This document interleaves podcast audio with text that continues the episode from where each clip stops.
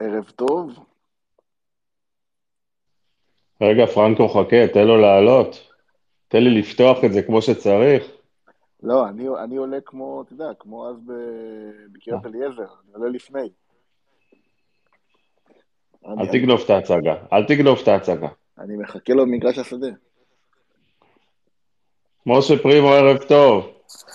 אהלן, חברים, ערב טוב. איך לא נפגשתם עד היום? איך גיליתם אחד את השני רק היום, פרימו? זהו, בכלל לא גיליתי אותו. אם הייתי מגלה אותו, לא היה לנו space אחד על אחד. ממש לא גיליתי אותו. ותשמע, מישהו אה, היום אה, צייץ את זה, אני מאמין שגם פרנקו ראה את זה, שאחרי הציוץ שלי, שבאמת אני לא מכיר את האיש, ואין לי מושג מה הוא, ותכף אני אסביר למה, למה עשיתי את זה, אז מישהו אמר, זרק כפפה, האם הוא איתנו, אני, אני באמת לא יודע על מי מדובר, אני לא זוכר. אה, זה תום, זה תום. תום? הנה, הוא איתנו, הוא איתנו. יופי, אז קודם כל תודה לתום, ואמרתי, וואלה, אני, אני מרים את הכפפה, ואני רוצה להסביר למה עשיתי את זה. תראה, אה, אני בטוויטר, עוד חודש אני אהיה רק שנתיים בטוויטר, אתה יכול לשאול את גל, כמה דברים אני לא יודע בטוויטר, בטח מילים שלכם בטוויטר, כל מיני הטרלות, שאפילו אני לא שואל אותו שלא יהיה לי פדיחות. אני באמת, אני לא, לא מכיר המון דברים בטוויטר. ויש אנשים לכאן ולכאן, יכולים למצוא חן בעיניך, לא מוצאים חן בעיניך, אבל זה שלי, אני לא, לא נכנס לאנשים לציוצים ומעליב אותם חלילה בחיים. אני אנחנו יכולים לנהל ויכוח על כדורגל, אבל אני לא מעליב, לא משפיל, לא עושה את הדברים האלה. למרות שהיה לי פעם אחת שלא מצא חן בעיניך משהו ב space, אז כתבתי לך, אם לא מוצא חן בעיניך ה space, אז תכתוב טור בערוץ 5, אתה בטח זוכר את זה. זה שמור לי בתיקייה. שמור לך בתיקייה. עכשיו, תקשיב, עכשיו, באמת יש אנשים שמעניינים אותי. עכשיו, בגלל שאני בטוויטר די הרבה זמן, וקולט אנשים וזה, אמרתי, וואלה, פרנקו יניב זה אחד שהוא באמת אה, הרבה בטוויטר, בטח באלה של פיד כדורגל, של פיד כדורגל, כי פוליטיקה אני לא נכנס. אני, מאחר שאני שונא פוליטיקה, ואף אחד לא יודע אם אני ימין, אם אני שמאל, אני ביני, ביבי או בנט, אני לא שם, אז אני רק כדורגל, ואתה פעיל מאוד, ואני אומר, וואלה, הבן אדם הזה, שמע, אני אומר לך את זה פעם ראשונה, 70-80 אחוז מהציוצים שלך, אין לי מושג מה אתה כותב, אני לא מבין אותם. אני לא מצלצל כל דבר לגל או למישהו לשאול, תגיד, מה הוא התכוון? לא. לא מבין אותם בשיט. לא, אבל, אבל פרימו, אני 50% מהציוצים שלי, אני לא מבין. אה, יופי, אז ענית. ו- ו- אז אתה בחברה טובה. ואז החלטתי, אמרתי, בוא'נה, תשמע, אני חייב להכיר את האנשים, ואני רוצה להגיד לך ככה משהו עליי. אני בחיים שלי, לא תשמע אותי ולא שמעת אותי אומר, שאני יותר טוב ממישהו במשהו. לא תשמע ממני, אני באמת, זה נראה אולי שאני אגיד, אני לא רוצה להגיד צנוע, אבל אני יותר טוב מההוא בזה, יותר טוב מההוא, יש מקום לכולם. אבל אלוהים חנן אותי במשהו, באמת, אני אומר לך, שאם יש את זה לאנשים זה דבר ענק, אשתי משתגעת ממני, ואם אתה רוצה עוד תכף תשמע סיפור נדיר שימחיש לך על מה אני מתכוון, אני בדקות מזהה בן אדם. לא בטוויטר, לא בכתיבה. אם יבוא אליי בן אדם ו- וירצה למצוא חן בעיניי וזה, אני בחמש דקות אומר לאושרת, לאשתי, בא לי עליו או לא בא לי עליו. ובגלל זה שתדע לך, מדן ועד אילת יש לי חברים. זאת אומרת, לאן שאני לא אסע למשחק כדורגל, תמיד אני צריך לארגן פרלמנט קודם. איפה שתצבע, כולל קיבוצים, איפה שתצביע, יש לי שם חברים, ואנשים שאני רציתי להיות אה, חברים שלהם. ואני מזהה בקלות אנשים, מה שאנשים לא יכולים לזהות בשנים, אני בחמש דקות יכול לזהות, ולכן אמרתי, תשמע, הפרנקו הזה הוא מעניין אותי, אבל אין לי מושג מי האיש. אני, באמת, אני, אני לא יודע לאכול אותך, וזה בכתיבה. תשמע, אם היינו חברים והיינו נפגשים, מסעדות, בילויים וכאלה, אז הייתי יודע, אבל בקטע של טוויטר אין לי מושג מי אתה, מה אתה רוצה, לאן אתה חותר, האם אתה מטריל, את מי אתה אוהד, מה אתה שונא, כלום אין לי מושג. דברים שאני מזהה בקלות בטוויטר, אצלך אני לא מזהה כלום. וזאת הסיבה שאנחנו ביחד עכשיו. קודם כל, טוב, טוב לדעת, אבל אני חייב להגיד שאם היינו עושים את זה שבוע שעבר, הייתי אוהד מכבי. הייתי עכשיו שבוע אוהד מכבי. מה זה הדבר הזה? תגיד לי, לה- מה זה הדבר הזה פתאום מהפועל לעוד מכבי? אני, אני רציתי להבטיח את השש נקודות של מכבי כדי שנגיע לפלייאוף העליון. וידעתי שרק אם אני אתמסר למשימה הזאת, אנחנו נוכל לעשות את זה. אבל אני, אני אוהד הפועל, פרימו, אני אוהד הפועל, אני חושב כבר רומנט 40 שנה. אני אוהד הפועל מ-81, הייתי בן 6. לא ידעתי מה, מה אחת קורה. האליפויות הגדולות של אה. סיני ושבתאי לוי. אין לי מושג, לא ראיתי את זה. ואחד הילדים בכיתה א' אמר לנו, תשמעו, אה, בן דוד שלי זה שבי לוי, והוא יבוא לשחק איתנו, ועכשיו כולנו אוהדי הפועל. אז אה, זהו, אז ככה אכלתי את הלוקש הזה, אה, ומאז אני אוהד הפועל. וזהו, אני מכיר אותך הרבה מאוד שנים מהמסך הגדול, מה שנקרא, משירים ושערים. אני חושב שמהמאזינים פה, אני, אני עוד מהדור שבאמת גדל על שירים ושערים. ו... בן כמה אתה? זהו, אני כבר עוד מעט בן 47, פרימו. טוב, צעיר לעומתי, יש בינינו 14 שנה. לא, זה שטויות, יש פה ילדים פה, אתה יודע, יש פה צייצנים אה, ינוקות. כן. אנחנו, אנחנו עברנו, אני חושב שעברנו עם הפועל תל אביב ומכבי נתניה הרבה מאוד שנים. ודרך אגב, אני גדלתי באזור אה, לא רחוק מנתניה, אה, באחד המושבים שמסביב לנתניה, נתניה הייתה העיר הגדולה שלנו, אז אני ראיתי את הפועל תל אביב בתור ילד הרבה יותר בקופסה, מאשר שראיתי אותה בבלומפילד.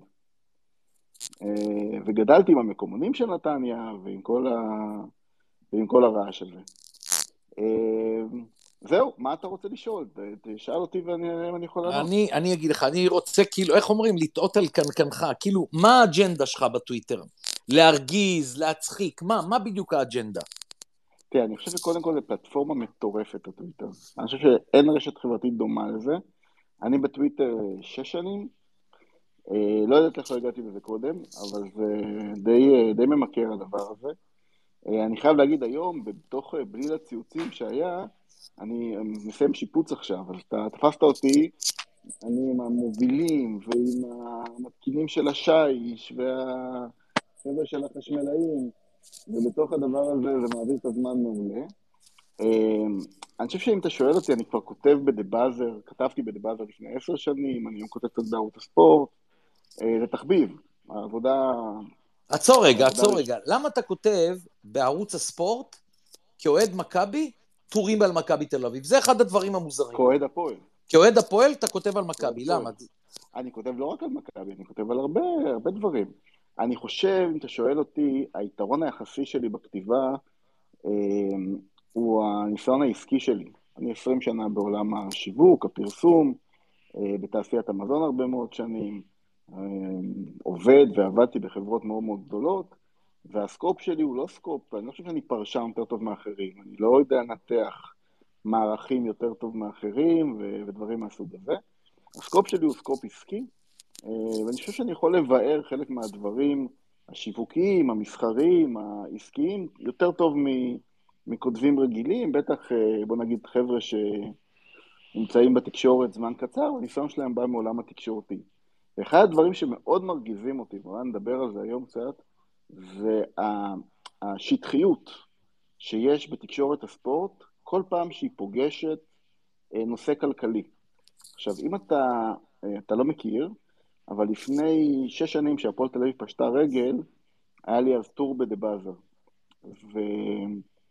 וכמה חודשים לפני זה אה, ליוויתי חברה מאוד גדולה בפשיטת רגל. הייתה פשיטת רגל של חברת מגה, אני עבדתי אז בחברת יוניליבר, והיו לקוחות שלנו, והם פשטו רגל.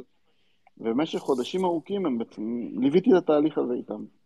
כשהפועל תל אביב פשטה רגל, אז הרגשתי אה, שהיכולת שלי להנגיש את העולם הזה של פשיטת רגל, אה, היא תהיה טובה יותר מתקשורת הספורט, כי אני חייב להגיד, ואני לא רוצה להעליב אף אחד, אבל הכתבים שסיקרו את, ה... את פשיטת הרגל, הם לא הבינו על מה הם מדברים. מצטרף אליך. יש הרבה אנשים גם היום, אתה מדבר על לפני הרבה זמן, אני אומר לך ב-2022. גם היום עם ביתר, נכון. עם ביתר ירושלים, אני לא יודע, יש כמה, כמה חבר'ה ב space, שאני, ב space ובטוויטר שאני בקשר איתם, אין להם מושג מה זה כל הנושא הזה של הסיפור הזה של אה, פירוק של אה, קבוצת כדורגל, ועיתונאים לפעמים, אני קורא אותם, ואני כמובן בחיים לא אגיב להם, כי קולגות בכל זאת, אני לא אעשה את זה, אבל אה, אה, לא למדו את החומר, אין להם מושג, ואיתנו גם נמצא אבי אוחיון, הוא עכשיו נמצא בהרגשה הנוראית הזאת של קבוצה תהיה או לא תהיה, ופשוט אין להם מושג, ולפעמים אני רוצה להגיד להם, אל תקראו, אבל אני לא יכול להגיד להם את הדבר הזה, ואתה צודק מאה אחוז, תמשיך. אני, אני אספר לך חוויה קטנה, וזהו, בשביל לתת לאבי קצת הרגשה טובה. אמ, כשהפועל תל אביב פשטה רגל, זה היה בתחילת דצמבר, והיה חודש נוראי. החודש של הפשיטת רגל תחת קוטלר היה חודש ממש נוראי. והתקופה שהייתי הולך למשחקים באדיקות, והייתי מגיע הרבה זמן לפני המשחק, כי מה שעניין הייתה האווירה. והיה אחד מאוהדי הפועל תל אביב, שהוא אחד העורכי דין הטובים בארץ לנושא של פירוק הליכים, והוא היה מעביר שיעור, כמו שיעור תורה, הוא יושב כזה לפני המשחק, עם איזה 40-50 אוהדים, ומבאר להם סוגיות, ומסביר להם, אם יעשו ככה ויעשו ככה, אנשים יושבים וכותבים. עכשיו, חבר'ה חבר'ה אולטרס כאלה, יושבים ולומדים דיני פירוק, אה, וזו תקופה באמת נוראית והזויה, ואני חושב שאחת הבעיות הגדולות בתקשורת זה השטחיות. וכל פעם שהתקשורת פוגשת נושא, תקשורת הספורט בעיקר, וזה לא רק, אבל בעיקר תקשורת הספורט, שהוא לא בתחום השוטף שלה, כי בסוף תקשורת הספורט מתעסקת בספורט, אבל בכדורגל הישראלי, בספורט הישראלי... אבל זאת החוכמה, שקורה דבר מהסוג הזה, ללמוד את זה. אתה לא צריך להיות... קשה uh... מאוד, קשה מאוד להבין, ויש פה המון דיסאינפורמציה, ואם לא עברת תהליכים כאלה, תהליכים עסקיים כאלה בעצמך, זה מאוד מאוד קשה להבין, ואנשים מאכילים אותך בהמון דיסאינפורמציה, והתהליכים האלה הם גם מאוד מורכבים, כי לא כל תהליך פשיטת רגל דומה לשני, או לצורך העניין, אני, אני ביליתי הרבה מאוד שעות בניסיון להבין מה זה הכעס הזה, ומה האפשרויות של הפועל תל אחרי הכעס, וללמוד את החוק הפדרלי בשוויץ ולהבין. עכשיו, עשיתי את זה כי אני, אני אובססיבי להפועל תל אביב, אבל כשאני הרבה פעמים קורא ושומע ידיעות על הפועל תל אביב בנושא הזה, ואני חושב על ילד בן 17 או ילד בן 20, שצריך אה, לשמוע את זה מהדיסאינפורמציה, ועוד דקה מפרקים לו את הקבוצה, ויש לו קבוצה ולא תהיה לו קבוצה, אז אני מנסה בעולם שלי לבאר את זה. עכשיו, תראה, מכבי תל אביב, ואתה יודע, אני כתבתי עד היום בערוץ הספורט בפורמ, בפורמ, בפורמט הנוכחי, אולי 40 טורים. אה, כמובן שיש כמה טורים של מכבי, כמובן שהטור של מכבי, אם זה על זהבי, אם זה על גולדהר, עושה גם הרבה רעש בטוויטר, ואני נהנה מלעשות רעש בטוויטר, אבל אני חייב להגיד שמכבי ברמה העסקית היא דבר מעניין. היא דבר מעניין כי ברמה העסקית היא לא מתנהגת כמו כל מועדון רגיל. הרבה פעמים אתה מסתכל על מכבי ואתה אומר, בוא ננסה ללמוד מה הם עושים, בוא ננסה להבין מה מודל ההכנסות שלהם, בוא ננסה להבין מה מודל ההוצאות שלהם, בוא ננסה להבין... אבל זה לא דומה לה, זה לא דומה להפועל. אי אפשר לא, שמכבי, זה לא, לא דומה. אולי נדבר היום על הפועל ונתניה, אבל תראה, הרבה פעמים, אני אתן לך דוגמה... אבל בוא אני אתקיל אותך, בוא לא, אני אתקיל אותך. אני אתן לך דוגמה טובה דווקא, הקשר לזה שתתקיל אותי. הרבה מאוד מועדים של הפועל תל אביב כועסים על זה שאין להם חנות מזכרות כמו למכבי תל אביב. ונגיד, כולם היו רוצים, אבל אני התעמקתי, יש לי חברים בתעשיית הטקסטיל, כולל חברים אוהדי הפועל שרופים, שעבדו אפילו עם מכבי על כל מיני אה, אה, פרויקטים, והתעמקתי וניסיתי להבין את המודל העסקי שמאחורי חנות, חנות מזכרות. ואני אומר לך, להפועל תל אביב לא יכולה להיות חנות מזכרות. זה לא כלכלי בהיקפים של הפועל תל אביב. עכשיו, כשאתה יושב בתור אוהד, ואתה יושב בטוויטר ואומר, למה לנו אין כזה, ולמה לנו אין כזה, ולמה לנו לא יהיה כזה, אתה הרבה פעמים צריך לנסות להבין, לפחות מהצד שלי, מה הופך את המודל של מכבי למודל שמאפשר חנות מזכרות ברמה הזאת, אה, ומה הופך את זה לבלתי אפשרי לקבוצה כמו הפועל תל אביב, נתניה, ביתר, לא משנה מה. אז הנושאים האלה הרבה פעמים הם הנושאים המרכזיים. עכשיו, אחד הדברים הבעייתיים בעולמות האלה, שחסר הרבה מאוד מידע, ולכן צריך לשבת עם, אה, נראה פה את יוסי מדינה, צריך לשבת, לנסות לחשב ענייני הפקות כאלה ואחרות ואחרים, ולנסות להבין מה עומד מאחורי המספרים. אני אגיד עוד מילה אחת, פרימו, כי ברזום העסקי שלי, בין היתר הייתי גם מנכ"ל של חברת ההפקות הגדולה בישראל, אז יש לי גם איזשהו ניסיון בלהבין איך נראה מודל רווח והפסד של משחק כדורגל, של קבוצת כדורגל, של הפקה כזאת או אחרת, אז את זה אני מנסה להביא. לפעמים זה יוצא בטור על מכבי, לפעמים זה מביא אה, קצת רעש בטוויטר, אבל לא נורא. אה, אני מבטיח שמדי פעם יהיו גם טורים על הפועל פה ושם. אז אני אגיד לך שני דברים. קודם כל, הדבר הראשון, אני אגיד ואחרי זה אני אשאל. הדבר הראשון, אה, בהזדמנות שיצטרך לדבר עם עורכי הדין עמית פינס וליזה חדש, שהם אה, תותחים בתחום, תשאל אותם כמה שעות יש להם איתי אה, שיחות אישיות ללמוד את כל הנושא הזה.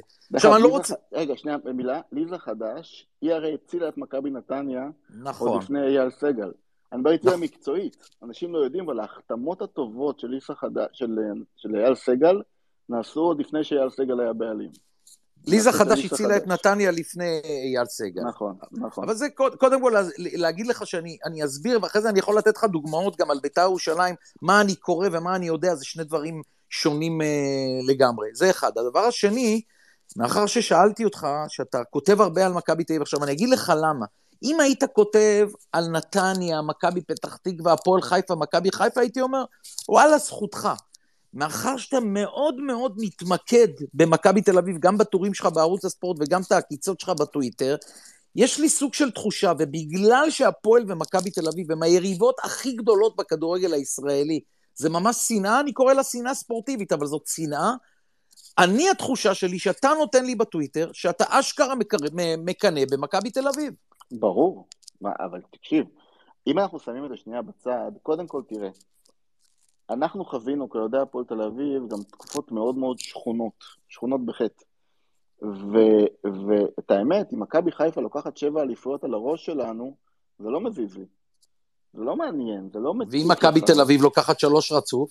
אז ברור, אז אתה, אז, אתה, אז אתה מתעסק בזה, אז האובססיביות שכולנו נמצאים בה, אני חושב שדרך אגב, הרשתות החברתיות העצימו את האובססיביות הזאת, כי זה נהיה יומיומי, זה כבר לא עקיצות נכון. העבודה, זה, זה גלובלי.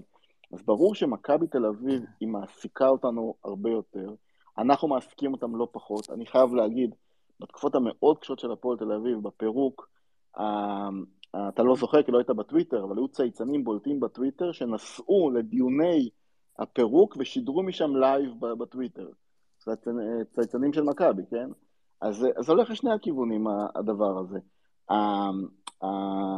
חלק מהכיף בטוויטר הוא העקיצות וההטרלות והמשחק הזה, אז ברור שמול מכבי תל אביב, שבסוף אלה החברים שלנו ואלה השכנים שלנו ואנחנו פוגשים אותם פה יותר, אז ברור שזה נעשה טיפה, טיפה מעבר. אבל אני חייב להגיד עוד משהו אחד דווקא לגבי הטורים ופחות לגבי הטוויטר. ההתעסקות במכבי היא, היא להפועל תל אביב היא משמעותית, כי אנחנו נגיע עוד מעט לאייל סגל. לדעתי הסיבה העיקרית שאתה כותב באתר ערוץ הספורט על מכבי תל אביב, זה שכל אוהדי מכבי תל אביב התעצבנו. תראה, זה תמיד כיף לעצבן, אבל בוא נשים את זה שנייה בצד. האוהדים של הפועל תל אביב, במיוחד החבר'ה הצעירים אצלנו, מאוד מאוד קשה להם עם, ה... עם הפער המקצועי, ניהולי, כספי שנפתח ממכבי תל אביב. זה מאוד מאוד קשה להם, זה מאוד מאוד מתסכל אותם, ולכן הם מוצאים הרבה מאוד גם כעס על הניסנובים, ולכן אתה שומע הרבה מאוד רעש מה, מה, מהדברים האלה. וחלק מהניסיונות שלי לפחות, כן, לפחות בטורים, שהם טיפה יותר אובייקטיביים מהטוויטר, כי הטוויטר הוא עולם של הטרלות, אז חלק מהניסיונות שלי זה לבאר את הסיטואציה. ולנסות להסביר למה האתגר הניהולי-עסקי שהניסנובים מתמודדים איתו, הוא שונה לגמרי מאתגר הניהולי של אה, שרון תמם וברק יצחקי. ולכן כשלמכבי תל אביב יש בעיה, והיא הולכת וקונה שחקנים, פותרת את הבעיה, והאוהדים של הפועל תל אביב מתבאסים רצח, אז חלק מהשיח הוא מגיע מהמקומות האלה. עכשיו תראה, יכול להיות שהיו נושאים השנה, דרך אגב, אני חושב שהטורים שלי ספציפית על מכבי הם לא כאלה גדולים, אבל היו גם כמה טורים על זהבי. כשיש טור על זהבי, זה אוטומטית גם מתחבר לטורים על מכבי. אז זה אני שם שנייה בצד. אבל אתה צודק באיזשהו מקום שהדבר שה, הזה שנקרא מכבי תל אביב, במיוחד שהיא מצליחה, ולצערנו בשנים האחרונות היא מודל מצליח, הוא, הוא מייצר אובסס, אובססיביות מסוימת לאוהדי הפועל תל אביב, וכמובן גם קנאה, בסדר? בסופו של דבר. כן. ואי אפשר להתכחש לזה עכשיו. אני חייב להגיד, יש גם עוד קנאה אחת, כי אנחנו כבר אוהדים של הפועל תל אביב 40 שנה, לפחות אני והדור שלי, וחווינו גם תקופות מאוד מאוד טובות. אני בתור ילד, הפעם הראשונה שנתקלתי בחיה הזאת שנקראת מכבי תל אביב אלופה, הייתה בגיל 17. אני גדלתי למציאות שהפועל תל אביב היא האלופה. בסדר? שנות ה-80. שאנחנו הווינרים, שיש לנו את משה סיני, שכל הדברים האלה, ופתאום בגיל 17, פתאום ראיתי, יש דבר כזה שנקרא מכבי תל אביב אלופה בכדורגל, זה היה מאוד מאוד מוזר עבורי. אבל איפה התסכול? זה שבשנים הבאמת טובות שלנו, שאני לא חושב שהם יחזרו יום אחד, אבל נניח שנפנטז, אז לא היה טוויטר ולא היה את כל הכיף הזה של ה social. אנחנו חגגנו את ה... תחשוב שהיה טוויטר ב... ב... ב... בערב ההוא של זהבי בטדי. הרי אנשים פה היו סוגרים user לחודשים. כן. מה שהיינו עושים להם. אבל לא היה לנו את זה, אז מה שיש לנו עכשיו, ו... וזה משהו קצת, קצת אחרת. אז אני אגיד לך משהו ב... בעניין הזה. אה, קודם כל, אה, טוויטר ואינסטגרם, אני לא באינסטגרם, אני בטוויטר, אז... לא, אה, אינסטגרם אני גם לא מבין את הדבר הזה. כן, לא חשוב. מה שאני רוצה לומר, למה התקשורת השתנתה?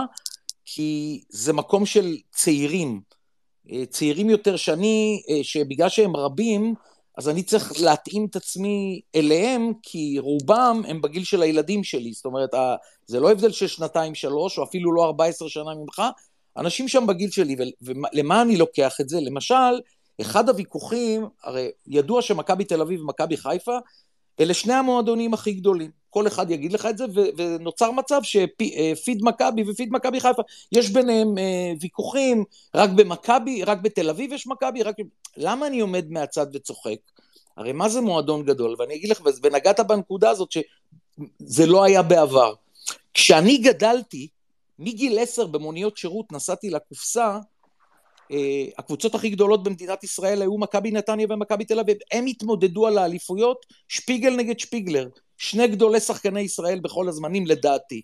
אה, הדור הצעיר, אין לו מושג על מה אני מדבר. כשאני אהדתי את מכבי נתניה, ביתר ירושלים ומכבי חיפה, שני מועדונים ענקיים יותר ממכבי נתניה של היום, ביתר ירושלים ומכבי חיפה, הם היו צ'יפס בתקופה הזאת. זאת אומרת, לא שפה, כשנתניה זכתה באליפויות, מכבי חיפה הייתה בליגה השנייה. עכשיו, לך תתפוס היום ילד בגיל, בגיל 25, תגיד לו את זה, אז אני צוחק כשהוא אומר לי, מכבי יש רק בחיפה, יש רק בתל אביב. ואז הגיע השינוי הגדול של הכסף הגדול, הרי מי זכה באליפויות? יש פה רק שתי קבוצות במדינת ישראל, כל אלה ששומעים אותנו עכשיו, שתי קבוצות יחידות בכל ההיסטוריה של מדינת ישראל, שזכו באליפויות, שקבוצת הנוער עלתה לבוגרים וזכתה באליפות. שתיים בלבד. מכבי תל אביב של ג'רי בית הלוי, מכבי נתניה של שמוליק פרלמן. שניים היחידות, כל יתר האליפויות הרוב זה כסף. כשאנחנו גדלנו, מי שהיה לו שחקני נוער טובים, הרי תתאר לך היום, אם בן עילם, עודד מכנס, דוד לביא, חיים בר ושלום תקווה היו בנתניה, בתקופה הזאת, כל אחד היה נמכר לגולדן וליאנקלה. ואייל סגל מוכר אותם במחצית הראשונה. במחצית הוא מוכר בשני מיליון יורו כל אחד מהם ועושה את נתניה אימפריה, אם היה לנו את הסרט. זה נגמר הקטע הזה, לכן אני לא נכנס לוויכוחים של אה, מכבי יש רק בתל אביב או מכבי אביב או, או מכבי יש רק בחיפה. אבל אותי, זה שונה, פרימה. אותי פרימה, זה מצחיק. זה... לא, לכן רציתי לא. להגיד לך שהייתי צריך לא, לעשות את השינוי הזה עם הרשתות החברתיות. קודם כל אני חושב, דרך אגב, אה, אני אגיד משהו על מכבי נתניה, כי אני גדלתי עם, אה, עם המקומונים של מכבי נתניה. אני לא נתניהתי, אבל נתניה הייתה העיר הגדולה שלי. אני חושב שהתקופה הזו שאתה מדבר עליה, היא דווקא למכבי נתניה את הקופסה. בסדר? לא, לא, לא את הקופסת המגרש, את הקופסה. תרתי משמע. כן, כי, כי אנשים של הדור ההוא גדלו על, על מועדון מטורף, בסדר? מטורף. וחסרי פרופורציה למה שהוא הפך להיות בהמשך הדרך. אי אפשר להסביר את זה, את החמישיות, השישיות, הכדורגל המטורף הזה וכל, וכל הדברים האלה. אבל במכבי נתניה תמיד הייתה ניטרליות. היא תמיד הייתה קבוצה גם עם מותג, אם אני רגע אלך לעולם שלי... תמיד אהבו אותה כקבוצה השנייה. תמיד היית שואל אוהד נכון, בית"ר ירושלים, מכבי חיפה, מכבי תל אביב, הפועל תל אביב, היו אומרים לך קבוצה שנייה שאנחנו אוהבים זה נתניה. נכון, כי היא ניטרלית. כי היא ניטרלית. ואנחנו, כאוהדי הפועל תל אביב, אה, אנחנו, א', אנחנו עוד זוכרים תקופות טובות, בסדר? ואנחנו מספיק צעירים שנזכור את זה. ושתיים, מעולם לא הייתה ניטרליות. תזכור שהפועל תל אביב זה לא רק uh, מכבי בכדורגל, זה גם הכדורסל. ו, ולכן ה fight הזה וה, והמלחמות האלה הן שונות, כי במכבי נתניה באמת אפשר לבנות סוג של מותג ניטרלי, אהוב, אהוד, אה, וקצת מה שנגיד עכשיו בן עילם עושה, הקבוצה הנמרצת, ההתקפית, הצעירה, הסקסית, מותג נורא כיפי נתניה, כי יש לו ערכים מאוד מאוד טובים. הפועל תל אביב תמיד יהיה מועדון לעומתי, הוא אף פעם לא יהיה מועדון בעוצמות של, של הגודל, גודל הקהלים של, של מכבי חיפה ומכבי תל אביב, הוא תמיד יהיה מועדון גדול בכל שאר הפרמטרים, הוא יהיה לעומתי, עם קהילה מאוד מאוד סגורה, וקהילה אה, שהיא אה, מסוגרת בפני עצמה, ויש לה בעיקר יריב אחד בראש. יש לי איזה טור, אני אשלח לך אותו פעם, יש לי איזה טור אה, שכתבתי בדה באזר, על, ה... על היריבות עם מכבי חיפה. שאין לי יריבות עם מכבי חיפה. הייתה, ש... הייתה לא, יריבות מאוד הייתה גדולה. הייתה יריבות ספורטיבית, אבל אין שנאה. גם כשהיינו מפסידים למכבי חיפה, זה לא היה מתסכל. אין מקום ראשון, אנחנו מקום שני, סבבה, שנינו הולכים לאירופה, שלום על ישראל. גם ב-86' וגם ב-2010, בסדר, זה לא, זה לא בעוצמות של מכבי תל אביב.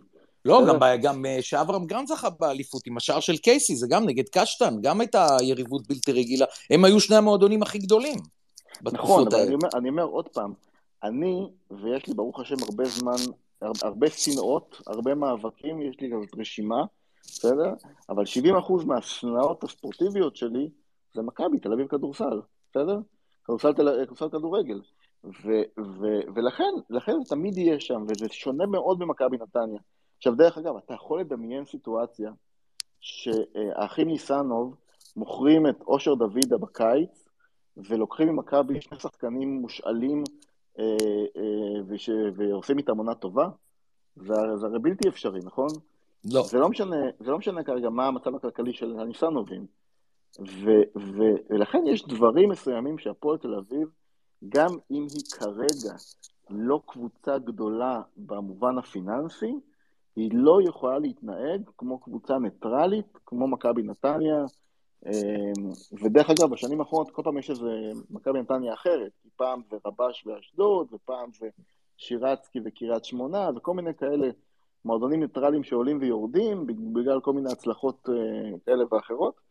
אבל, אבל בסוף, בסוף, בסוף, גם הפועל תל אביב וגם בית"ר ירושלים, גם כשהן חלשות כלכלית, בסוף, בשביל האוהדים שלהם, ויש להם הרבה אוהדים, ובשביל הסיטואציה, הן מתנהגות אחרת, ואת זה צריך להבין, בסדר? אני חושב שפה יש הבדל מאוד גדול בין היכולת שלי אה, אה, בגיל 47 להשתנות ולהכיל את הסיטואציה, לבין היכולת של חבר שלי בין, בגיל דומה, שהוא אוהד מכבי נתניה, בסדר?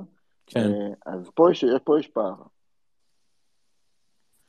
תשמע, לפני שבועיים בערך אה, צייצתי שלדעתי הקהל של הפועל תל אביב הוא הטוב ביותר. אז כמובן לא מדובר על הרב ביותר, ואני לא מדבר על קריאות השואה, כי קיבלתי כל מיני תגובות, הם, הם צועקים שואה למכבי וכל מיני דברים מהסוג הזה, לא התכוונתי לזה. אני, זאת אומרת, אם אני מסתכל על אוהדי קבוצת כדורגל, ויש לנו היום את מכבי תל אביב, מכבי חיפה וביתר ירושלים, שהם הרבים ביותר, יותר מהפועל תל אביב, אבל הפועל תל אביב זאת... אבל תמיד קבוצ... היו, תמיד היו.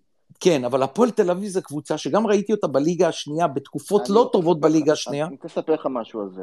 דווקא אני, אני אשתמש, תעשה גוגל על סקר של אנגלידס, מתחילת הכהונה שלו, שהוא היה אז המנכ"ל במכבי, בסדר? זה איפשהו בתחילת שנות 2010. והם פרסמו בכלכליסט שהם עשו סקר על, על הקהלים, והם הגדירו ארבעה מעגלים. זאת אומרת, הם הגדירו מעגל ראשון, זה מעגל השרופים, בסדר? ומעגל שני, שלישי ורביעי, זה כמה שאתה רחוק מעולם השרופים. נגיד, מעגל רביעי זה אנשים שרואים פעם במשחק בטלוויזיה, ומעגל שני, שלישי זה אנשים שבאים מדי פעם למשחק גדול, ומעגל שני זה אנשים שיש להם מנוי והם הולכים, ומעגל ראשון זה אנשים כמוני וכמוך. והם באו ואמרו, אם סוכמים את, את ארבעת המעגלים ביחד, זה ברור שמכבי תל אביב היא מקום ראשון בכמות האוהדים, הרבה מהם באים בגלל הכדורסל דרך אגב, ומכבי חיפה מספר שתיים, וביתר יש על הרבה, הרבה השגות על הגודל, אה, אבל אם, אם מסתכלים על המעגל הראשון בלבד, על הנאמנים, על השרופים, אז הפועל תל אביב היא לא רחוקה, אני חושב שהם אפילו אמרו שהיא הכי גדולה, אבל די, די שווה לאחרים. זאת אומרת, במעגל הנאמנים, ואתה רואה את זה, 8,000, 9,000 איש קונים מנוי כל אני שנה. אני בלי לדעת הסקר הזה, אני אמרתי את זה. בלי לדעת אז, על הסקר אז, הזה. אז זה, זה ההבדל. עכשיו, הפועל תל אביב, ופה הקושי להבין את החיה. דרך אגב, אני חושב שאוהדי הפועל תל אביב מכירים את מכבי תל אביב הרבה יותר טוב משאוהדי מכבי תל אביב מבינים את הפועל תל אביב. אני חושב שאוהדי מכבי תל אביב בגדול לא מבינים את החיה שנקראת הפועל תל אביב. הפועל תל אביב בבסיס שלה היא קהילה קטנה, צרה, לעומתית וקנאית. ו, אה, והיא מתנהגת ככה. ו, וזה מה שמחזיק אותה בקבוצה. בוא, גם... בוא אני אגיד לך מבחינתי, כעיתונאי שמסתכל מהצד על שני המועדונים, מה ההבדל הגדול? אני לא אכנס פה עכשיו מקבוצה יותר טובה, אה, מאוהדים יותר טובים, בלומפילד, שמומפילד, כל הדברים. יש פה דבר אחד שהוא קיצוני. מיץ' גולדהר לעומת ניסנובים ואלי טביב. זה קיצוני. אבל זה לא פייר להשוות, אבל זה קיצוני גם במקומות אחרים. זה קיצוני, לא חשוב, עובדתית זה קיצוני. זה שתסביר לי שגולדר הוא מיליארדר וניסנובים אה, רק רוצים למכור שחקנים, זאת לא התשובה שאתה צריך לא, לתת לי. לא זה קיצוני. לא, לא, אתה רואה, פרימו, פה אני רוצה שנייה להגיד משהו. זה לא שיש, הרי בצד אחד של המשוואה יש מיליארדר בקנה מידה... עולמי. בסדר? בקנה מידה אדיר. דרך אגב, אני חייב להגיד עליו עוד משהו אחד. זה מיליארדר עם יכולת אה, אה, הבנה בניהול קורפורט, בניהול תאגידי, בסדר? זאת אומרת, יש אנשים שעשו את הכסף שלהם ב, בקריפטו, יכול להיות שהם מאוד מאוד עשירים, אבל הם לא ניהלו ארגונים. אז מיץ' גולדהר גם ניהל ארגונים, זה יתרון גדול. אז יש את מיץ' גולדהר, אבל ההופכי שלו זה לא ניסנוב מסכן מנסה למכור שחקנים. ההופכי שלו זה בעלים ישראלי, אנשי עסקים, הרבה הרבה הרבה הרבה פחות חזקים. בסדר? עכשיו, אם מסתכלים על זה, על זה ככה, אז אתה אומר, קודם כל, בצד הכלכלי, מצד אחד עומד בן אדם שהשווי שלו הוא 3 מיליארד אה, דולר או יורו, או כמה שזה כרגע, ומצד שני לא עומדים אנשים מסכנים, אבל הם בכלל לא בקנה מידה הזה, אוקיי? ו- וכמובן, וכמובן שכשאתה רואה את זה על טווח של 13 שנה, בסדר? עכשיו, אני, אני חייב להגיד גם משהו על הדבר הזה, כי תקשורת הספורט הרבה פעמים עושה עוול.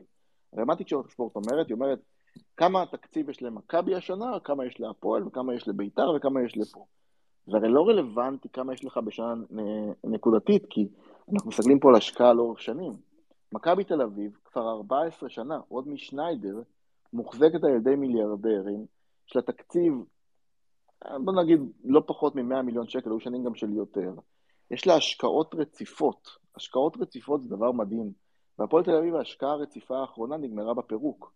ולכן, כשאתה מסתכל על הדבר הזה, ואתה אומר כמה כסף השקיעו במכבי לאורך השנים, כמה כסף השקיעו בהפועל תל אביב לאורך השנים, הפער הוא עצום, הוא, הוא כמעט בלתי נתפס. ו, ו, ו, וכל פעם שעושים השוואה, הרי זו השוואה שמקטינה את, את הניסנובים מלכתחילה, בסדר? עכשיו, פה יש איזושהי בעיה, כי אם אתה, התקשורת אוהבת סימטריה, זה אחת הבעיות הגדולות פה. אם יש מישהו מאוד מאוד מוצלח בצד אחד, חייב להיות מישהו מאוד מאוד מאוד כושל בצד שני. ואני, לי יש בעיה עם הסימטריות הזאת תמיד בתקשורת. אבל בוא אני אגיד לך איך אני מסתכל על זה. קודם כל, אנחנו מסכימים שאין מה להשוות את התקציב שמיץ' גולדהר יכול לשים והתקציב של הניסנובים שיכולים לשים. זה אנחנו מסכימים. גם נתניה לא תתמודד על האליפות כל עוד מיץ' גולדהר, אלונה ברקת ויאנקלה שחר לא מרפים. זה ברור אף לי. אף אחד לא יתמודד. אף אחד. עכשיו, מה אני רוצה לומר רגע, לך? שנייה, אני... פרימו, כשהוא צריך לנצח שלושה מועדונים חזקים ממנו כלכלית. אפשר לנצח מועדון אחד. נכון. אי אפשר לכן אני-. לכן אין לי ציפייה לאליפות כל עוד אלונה, ינקלה ומיץ' בעניינים. זה אחד. אבל, אבל, וזה אבל גדול, תגיד לי שלניסנוב יש פחות כסף, ואני אומר לך שגם לאייל סגל יש פחות כסף. אייל סגל, מהיום שנכנס למכבי נתניה, לא היה שחקן אחד שעזב את המועדון וטבע את המועדון. אחד. מה שמגיע לו הוא קיבל. כל שחקן שמגיע ל... וכאן זה לא עניין של כסף לעומת גולדהר. כאן זה ניהול פרי. כל שחקן שעוזב את הפועל תל אביב מגיש לא. בוררות נגד הקבוצה. אבל מה אבל הקשר לכסף של גולדהר פה? אז, אז אני אגיד לך עוד פעם, ותראה כמה התקשורת היא מאוד מאוד מאוד בעייתית פה. קודם כל, לא כל שחקן שעוזב את הפועל תל אביב גומר בבוררות. 90 אחוז. אה, לא, גם לא 90 אחוז, ואפילו לא, זה פחות מדו-ספרתי. עכשיו תראה, יש משהו שאנחנו נופלים בקלישאות. כי, הקלישאות, כי בסוף הבוררות של הבוזגלו מייצרת הרבה יותר רעש מעשרות שחקנים אחרים. אני חייב להגיד לך משהו על תקופת ניסנוב. אני, כשהניסנובים נכנסו, אה, הם הם נכנסו הרי פשיטת רגל. מה שהיה לפני הניסנובים זה בעיניי הדבר הכי גרוע שיש. כי היה את כבירי והיה את אה, רמון והיה כל מיני דברים אה, לפני ואחרי, והיה תקופת האשליות. היו בעלי בית בהפועל תל אביב שמכרו אשליות. חיים רמון היה מספר אחד בזה. זאת אומרת, להגיד לך, אה, אני, אין לי כסף, אבל אני אתנהג כאילו יש לי כסף, ו- והוביל... כן, ואחרי זה. להגיד שרימו אותו אנשי עסקים שלא נכון. נתנו לו, אני מכיר את זה. נכון, ולהוביל לפשיטת רגל של 100 מיליון שקל, ולפגוע בהרבה מאוד אנשים. דרך אגב, גם במכבי נתניה זה קרה ביותר קטן, אבל זה פגע בהרבה מאוד אנשים. וכשבאו הניסנובים, הם, הם אמרו מהיום הראשון, From day one, אנחנו מוגבלים בכסף, אנחנו לא יכולים להשקיע יותר מדי, אנחנו ננסה להחזיק את המועדון בכלים שאנחנו יכולים. והם עושים את זה בסופו של דבר. בהפועל תל אביב, שאני גדלתי עליה, מבית ברנר עד הימים של כבירי ורמון, כל חודש הלנת שכר. כמה שנים חודש- אתה אוהד את הפועל תל אביב? אמרתי לך, משנות ה-80. יפה, עצור רגע. ואתה מכיר גם את כל הכדורגל מש- משנות ה-80. תגיד לי עוד, אני היסטוריון בכדורגל, אם מישהו יצליח לה, להתקיל אותי, אני אודה לו. אה, מתי קרה שבקבוצת כדורגל, בסדר גודל של הפועל תל אביב, שלושה שחקנים, במאני טיים של העונה, עוזבים את הקבוצה, כל אחד מסיבה אחרת, אבל עוזב. מה, מה או- שקרה השנה? מה שקרה עכשיו לפני שבועיים. שלושה פעם. במכה. איפה נשמע פרימו, דבר אה, כזה? אה, זה מה- ניהול קטסטרופלי. לא, זה לא ניהול קטסטרופלי. אני חייב להגיד עוד פעם, ושוב, התקשורת תמיד חייבת לשים כותרות שאיתן יש בעיה. אני שם אוקיי. עובדה. אני שמתי לך לא, עובדה אה, ששלושה עזבו, באמצע העונה. רגע, שנייה. על זה עבדו אין לי שאחד קם. וברח באמצע שהוא הבין שהוא לא בהרכב הראשון. זה שיא הפרטיה. רגע, בוא נעצור שנייה, בסדר? השלושה עזבו זה עובדה. ניהול קטסטרופלי זה ציון, זה, סוב, זה סובייקטיבי, בסדר? עכשיו, בניהול, אוקיי, ופה אני חושב שיש לי יתרון עליך, בניהול אתה קם ואתה מתמודד עם בעיות. ואתה קם מתמודד עם הרבה מאוד אי-ודאות, ואתה גם משלם מחיר על חוסר ניסיון. ו- וזה שעזבו שלושה שנה, בסדר? בסופו של דבר אחד קיבל הצעה מאוד טובה, השני אה, פרטיה, והשלישי לא משנה מה. בסוף אני מסתכל על הפועל תל אביב של הניסנובים, ואני אגיד לך מה אני רואה. אני רואה שלראשונה, בסדר? יש שקט בהיבט התזרימי סביב המועדון. זה לא דבר פשוט. אני רואה שמתמודדים עם התביעות, יש תביעות, מתמודדים, אני מדבר על הכעס בעיקר. מתמודדים, אבל לא משלמים. אבל פרימו, תשמע, כשאתה, מה זה לא משלמים? כשאתה מסתכל פנימה ואתה אומר, אוקיי, יש הליכים משפטיים, מנהלים הליכים משפטיים, לא צריך לשלם לפני שההליך מוכרע, אוקיי? זה שבתקשורת הספורט, לא, לא אני אגיד לך את זה אחרת. לא אני אגיד לך את זה, תעצור להבין- שנייה, תעצ- תעצור שנייה, אני אגיד לך את זה אחרת. מאחר שהפועל תל אביב לא יכולה לש- לקבל אישור לשחק במפעלים אירופאים, יום אחד אנחנו נקום בבוקר, ואנחנו נשמע שוופא הורתה להתאחדות לכדורגל להפסיק את הפעילות של הפועל תל אביב או להוריד לה עשר נקודות. אתה יודע את זה. לא, זה, זה לא מה שאנחנו נשמע, פרימו, אני אומר עוד פעם. מה זה, אז מי יכסה את החובות של ה- התביעות אסביר- בחוץ אז אני לארץ? אסביר, אז אני אסביר לך, אתה רוצה שניגש לדבר הזה, כי לדעתי דוגמה מצוינת לשטחיות שבה התקשורת מסקרת אירוע כל כך מורכב. עכשיו תראה, קודם כל, הפועל תל אביב פשטה רגל לפני חמש שנים. ההליך הזה הוא כבר נמשך חמש שנים, אוקיי? חמש שנים לא מצליחים לפסוק במוסדות הר- הרלוונטיים בוופא אה, למי שייכים אותם חובות. זה הליך משפטי מורכב מאוד, עם סיטואציה שבה... זה לא יש- מורכב, אני אני רק אגיד לך, זה לא מורכב. פרימו, אני אגיד לך- היה- אם זה שמע. מורכב זה היה נפתר לפני חמש דקות. לא החוקים, נפתר. החוקים של וופא והחוקים של מדינת ישראל הם שונים. זאת הסיבה. אבל פרימו, זה, זה, זה, זה אירוע, מה שאמרת עכשיו הדבר הכי מורכב שיש. אוקיי, התנגשות בין אה, אה, ערכאה של גוף כמו וופא לערכאה של מדינה, זה אירוע מורכב מאוד, ולכן זה חמש שנים נגרר הדבר הזה, ולכן אין שום סיבה שהפועל תל אביב תשלם לפני שהיא צריכה לשלם. אז גם, אז כל מנהל היה מקבל את ההחלטה הזאת. עכשיו, כשה, כשיגיע הפסק דין של ה CAS, וזה יכול לקרות כל דקה, כל, כל רגע, אנחנו, הסיפור לא ייגמר שם. כי לכל מה יש מאח- ברור- מה- מה יש אחרי ה CAS? אין כלום אחרי אחרי- ה CAS. יש, יש, פרימו, תקשיב. מה? ה- ההגנה של הפועל תל אביב עובדת ככה. אם, אם ההחלטה בכף היא לרעת הפועל תל אביב, הם מגישים ערעור בבית דין הפדרלי בשוויץ. הבית דין הפדרלי בשוויץ הוא בגלל מה, לא נגמור עם זה, בסוף נגיע לפוטין בקרמלין. אבל- תשמע, באיזשהו שלב זה צריך. להיגמר. אבל, צריך ללמוד, את- החומר. הבית דין הפדרלי בשוויץ אמור להחליט האם לגוף כמו וופא יש יכולת בכלל לשפוט בניגוד לחוקי מדינה, והחוקים בשוויץ הם הרבה יותר קרובים לחוק הישראלי. אבל אני אגיד לך משהו כזה, נגיד שבית דין הפדרלי בשוויץ הלך עם וופא, בסדר? אתה יודע מה הצעד הבא של הפועל תל אביב? נו. ללכת לבית דין המחוזי בישראל ולבקש צו מניעה, כי לא יכול להיות שגוף כמו ההתאחדות מקבל הוראה מוופא שהיא בניגוד לחוקי מדינת ישראל. אז האירוע הזה הוא אירוע מאוד מאוד מז'ורי, הוא משמעותי, הוא מורכב, ובסופו של דבר אני מסתכל מהצד ואני אומר, מה הייתי עושה בתור מנהל? אז בתור מנהל הייתי עושה פחות או יותר את מה שהניסנובים עושים. אני אגיד לך עוד משהו, כשקוטלר העביר את הבעלות, השיחה ברחוב הספורטיבי הייתה על 30 מיליון שקל חשיפה לחובות. היום החשיפה היא ל-15. אתה יודע למה? כי הם נו. עבדו חמש שנים וניקו חלק מהתביעות. הם קיפלו חלק מה, מהתובעים. עכשיו, התקשורת רוצה לפתור את זה, היא רוצה כותרת. הפועל תל אביב תיענש, אם היא לא תשלם 1, 2, 3, אז היא תיענש. עכשיו, זה יכול לקרות כל בוקר, שהאירוע הזה, מה שנקרא, יעבור לאיזו אסקלציה מסוימת, אבל הוא אירוע, הוא אירוע נורא נורא מורכב. ולנהל את הפועל תל אביב זה דבר מורכב ביחס לכדורגל הישראלי. אז מה שאתה אומר שם- לי, אז מה שאתה אומר לי, במקרה בוזגלו, אה, בחודש יוני, בית הדין לעבודה, יצטרך לתת את ההחלטה אם לשלם לו מיליון שקל או לא. אבל אני חייב להגיד לך משהו ואתה אומר. רגע, שנייה, שנייה, ואם, ואם בית הדין לעבודה יחליט שהבורר של ההתאחדות צדק ומגיע למיליון שקל לבוזגלו, הם זאת אומרת, הולכים. לבית המשפט העליון אחרי זה, זאת אומרת, לא מפסיקים. לא, לא, לא, לא, לא. פרימו, אל ת... אל ת... זה מה שאתה אתה אומר לי, אם לא מפסיקים, לא, הם לא מפסיקים, לא. הם יש- ממשיכים.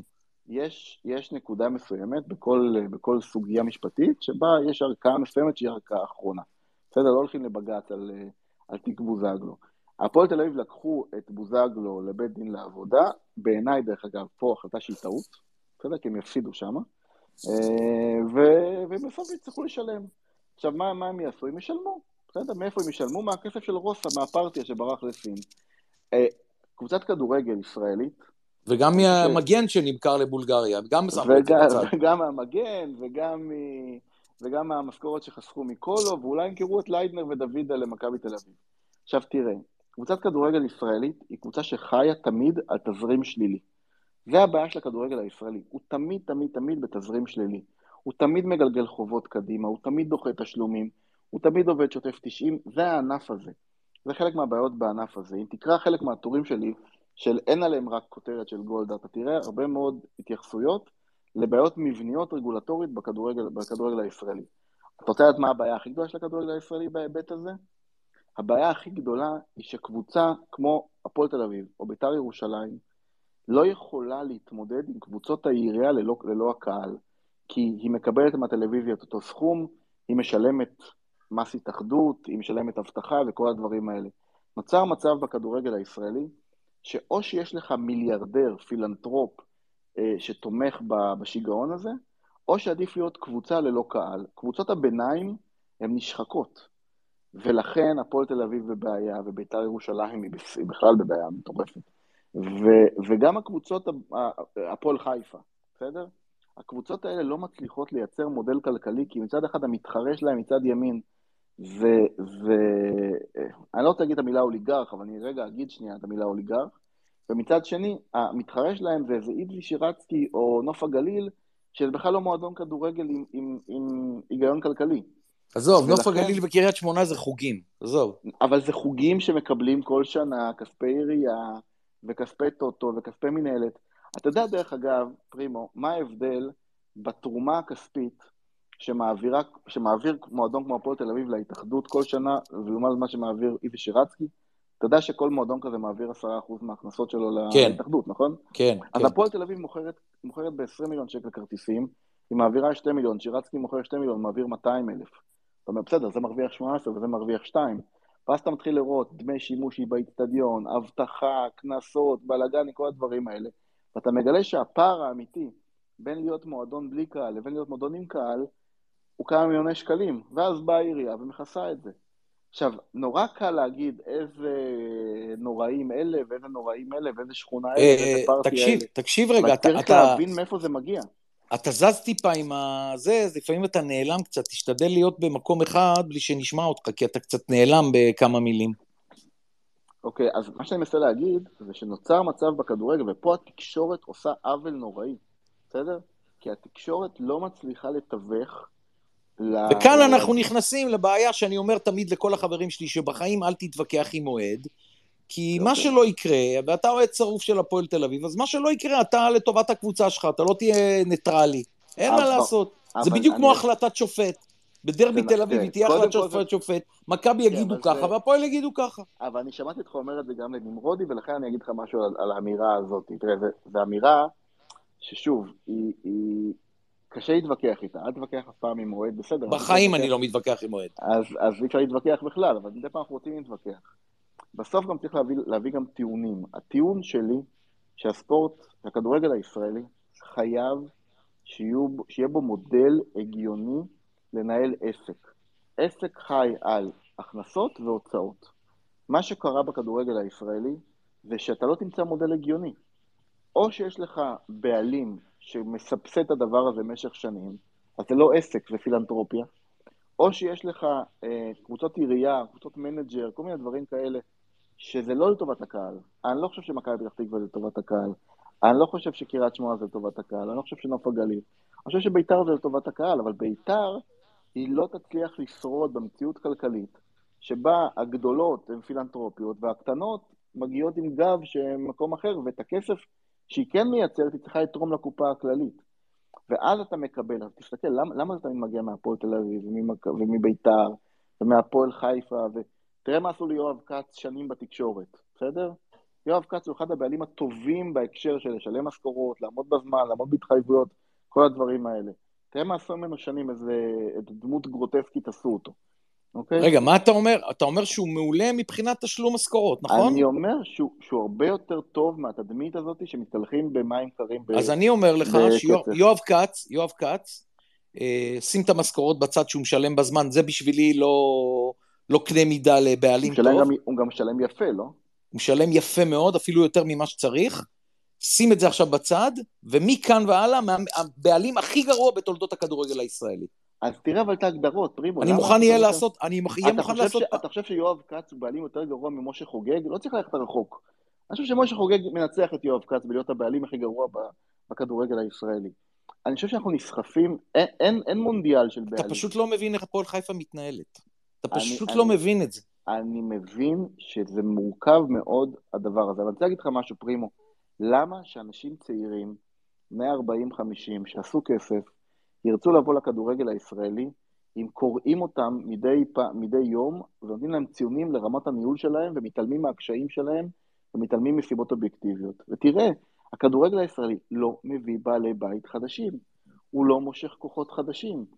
אנחנו תמיד, תמיד זה פרטיה, תמיד זה גועל נפש, תמיד זה הכי גרוע, תמיד זה פה. בסוף אנשים באים והם רוצים לראות שמתייחסים גם למאמצים שלהם ולקשיים שלהם ולאתגרים שלהם ויש אתגרים ניהוליים בכבוד, בסדר? עכשיו, אם תגיד לי, תשמע, פרנקו, הניסנובים הם הבעלים הכי טובים בעולם, אני אגיד לך לא, מה פתאום?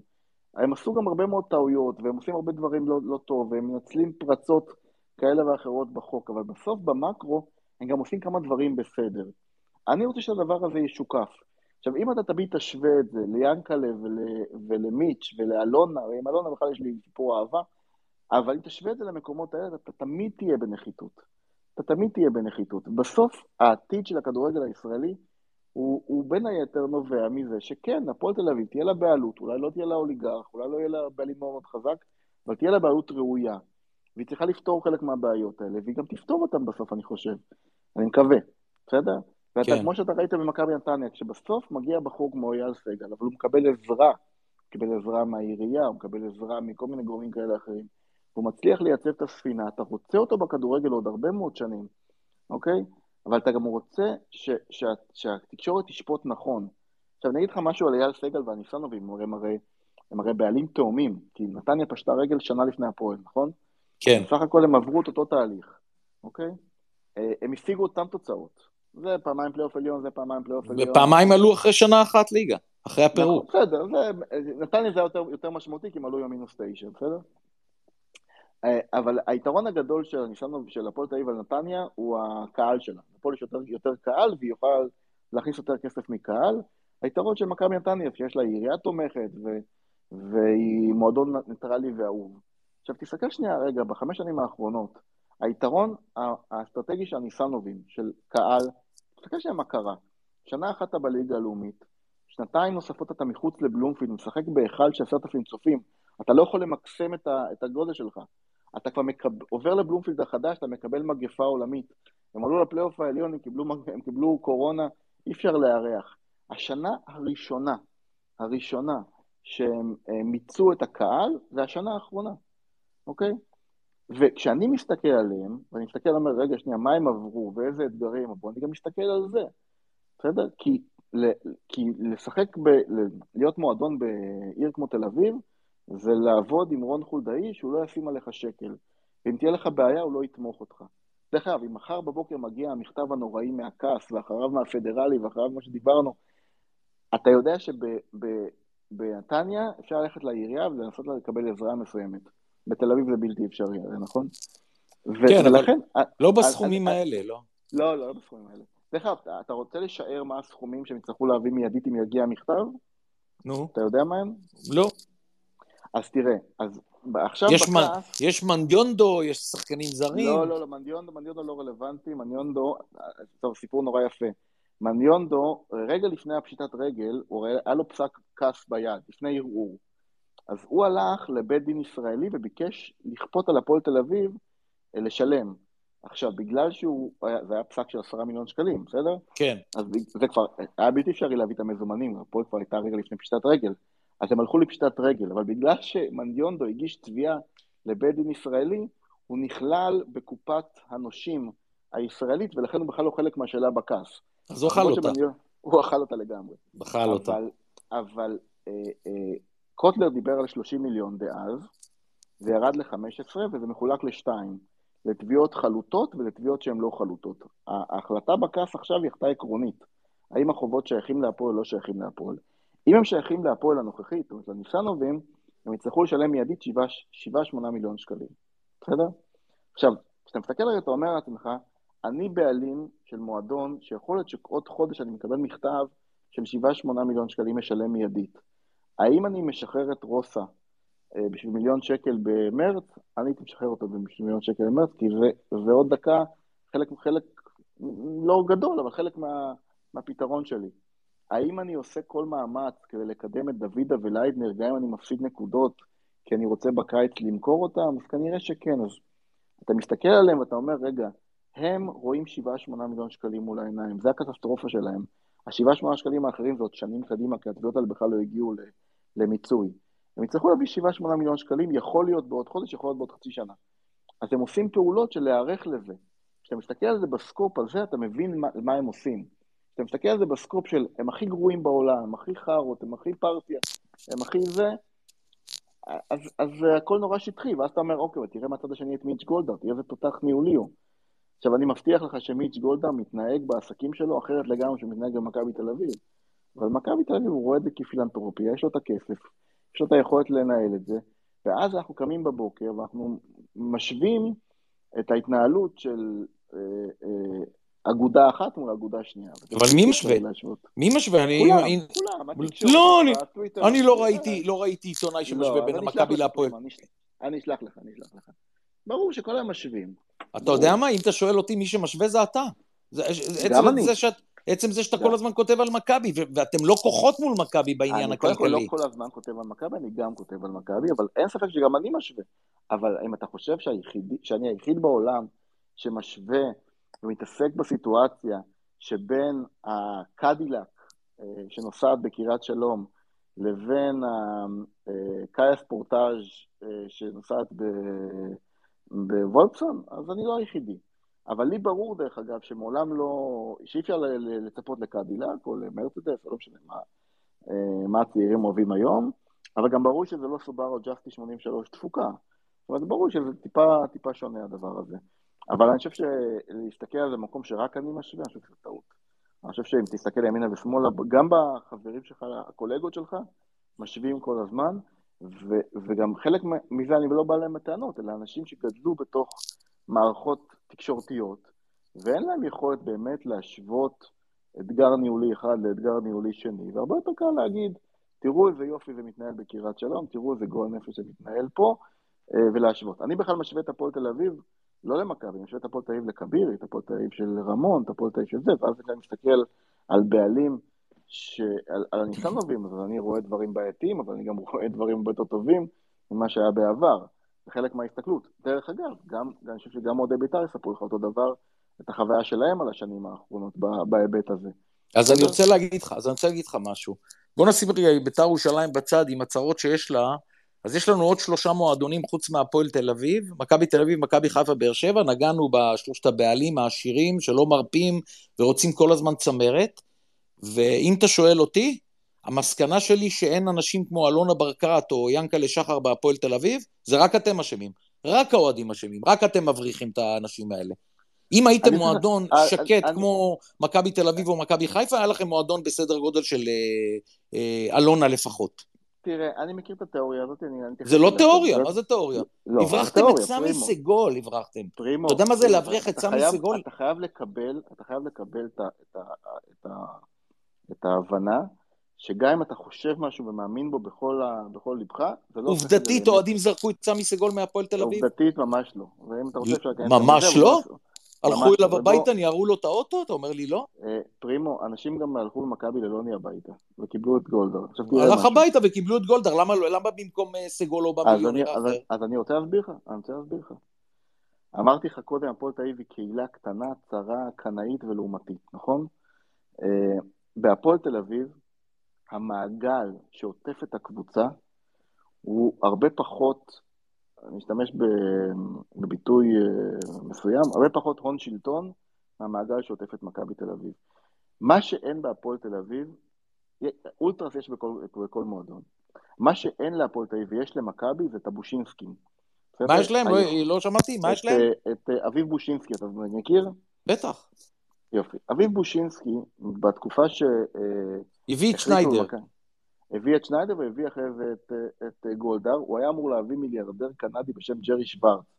אביב בושינסקי היה, לדעתי, תקן אותי אם אני טועה, היה יושב ראש קרן הישג ב- בישראל, שזה קרן שעובדת חזק מאוד עם הקהילה הקנדית, והכיר שם טוב מאוד את, ה, את הנפשות הפועלות, והצליח להביא משם את האנשים הרלוונטיים. בהפועל תל אביב, אה, האנשים שמלווים את המועדון, הם, הם לא יודעים לתווך בין אה, הון גדול למועדון, ו, והם פיקששו לא מעט עסקאות במהלך השנים, והם לא עושים את זה מספיק טוב. עכשיו, לא, אני אומר ש- שלא. רגע, אני אומר שזה לא ש- נכון.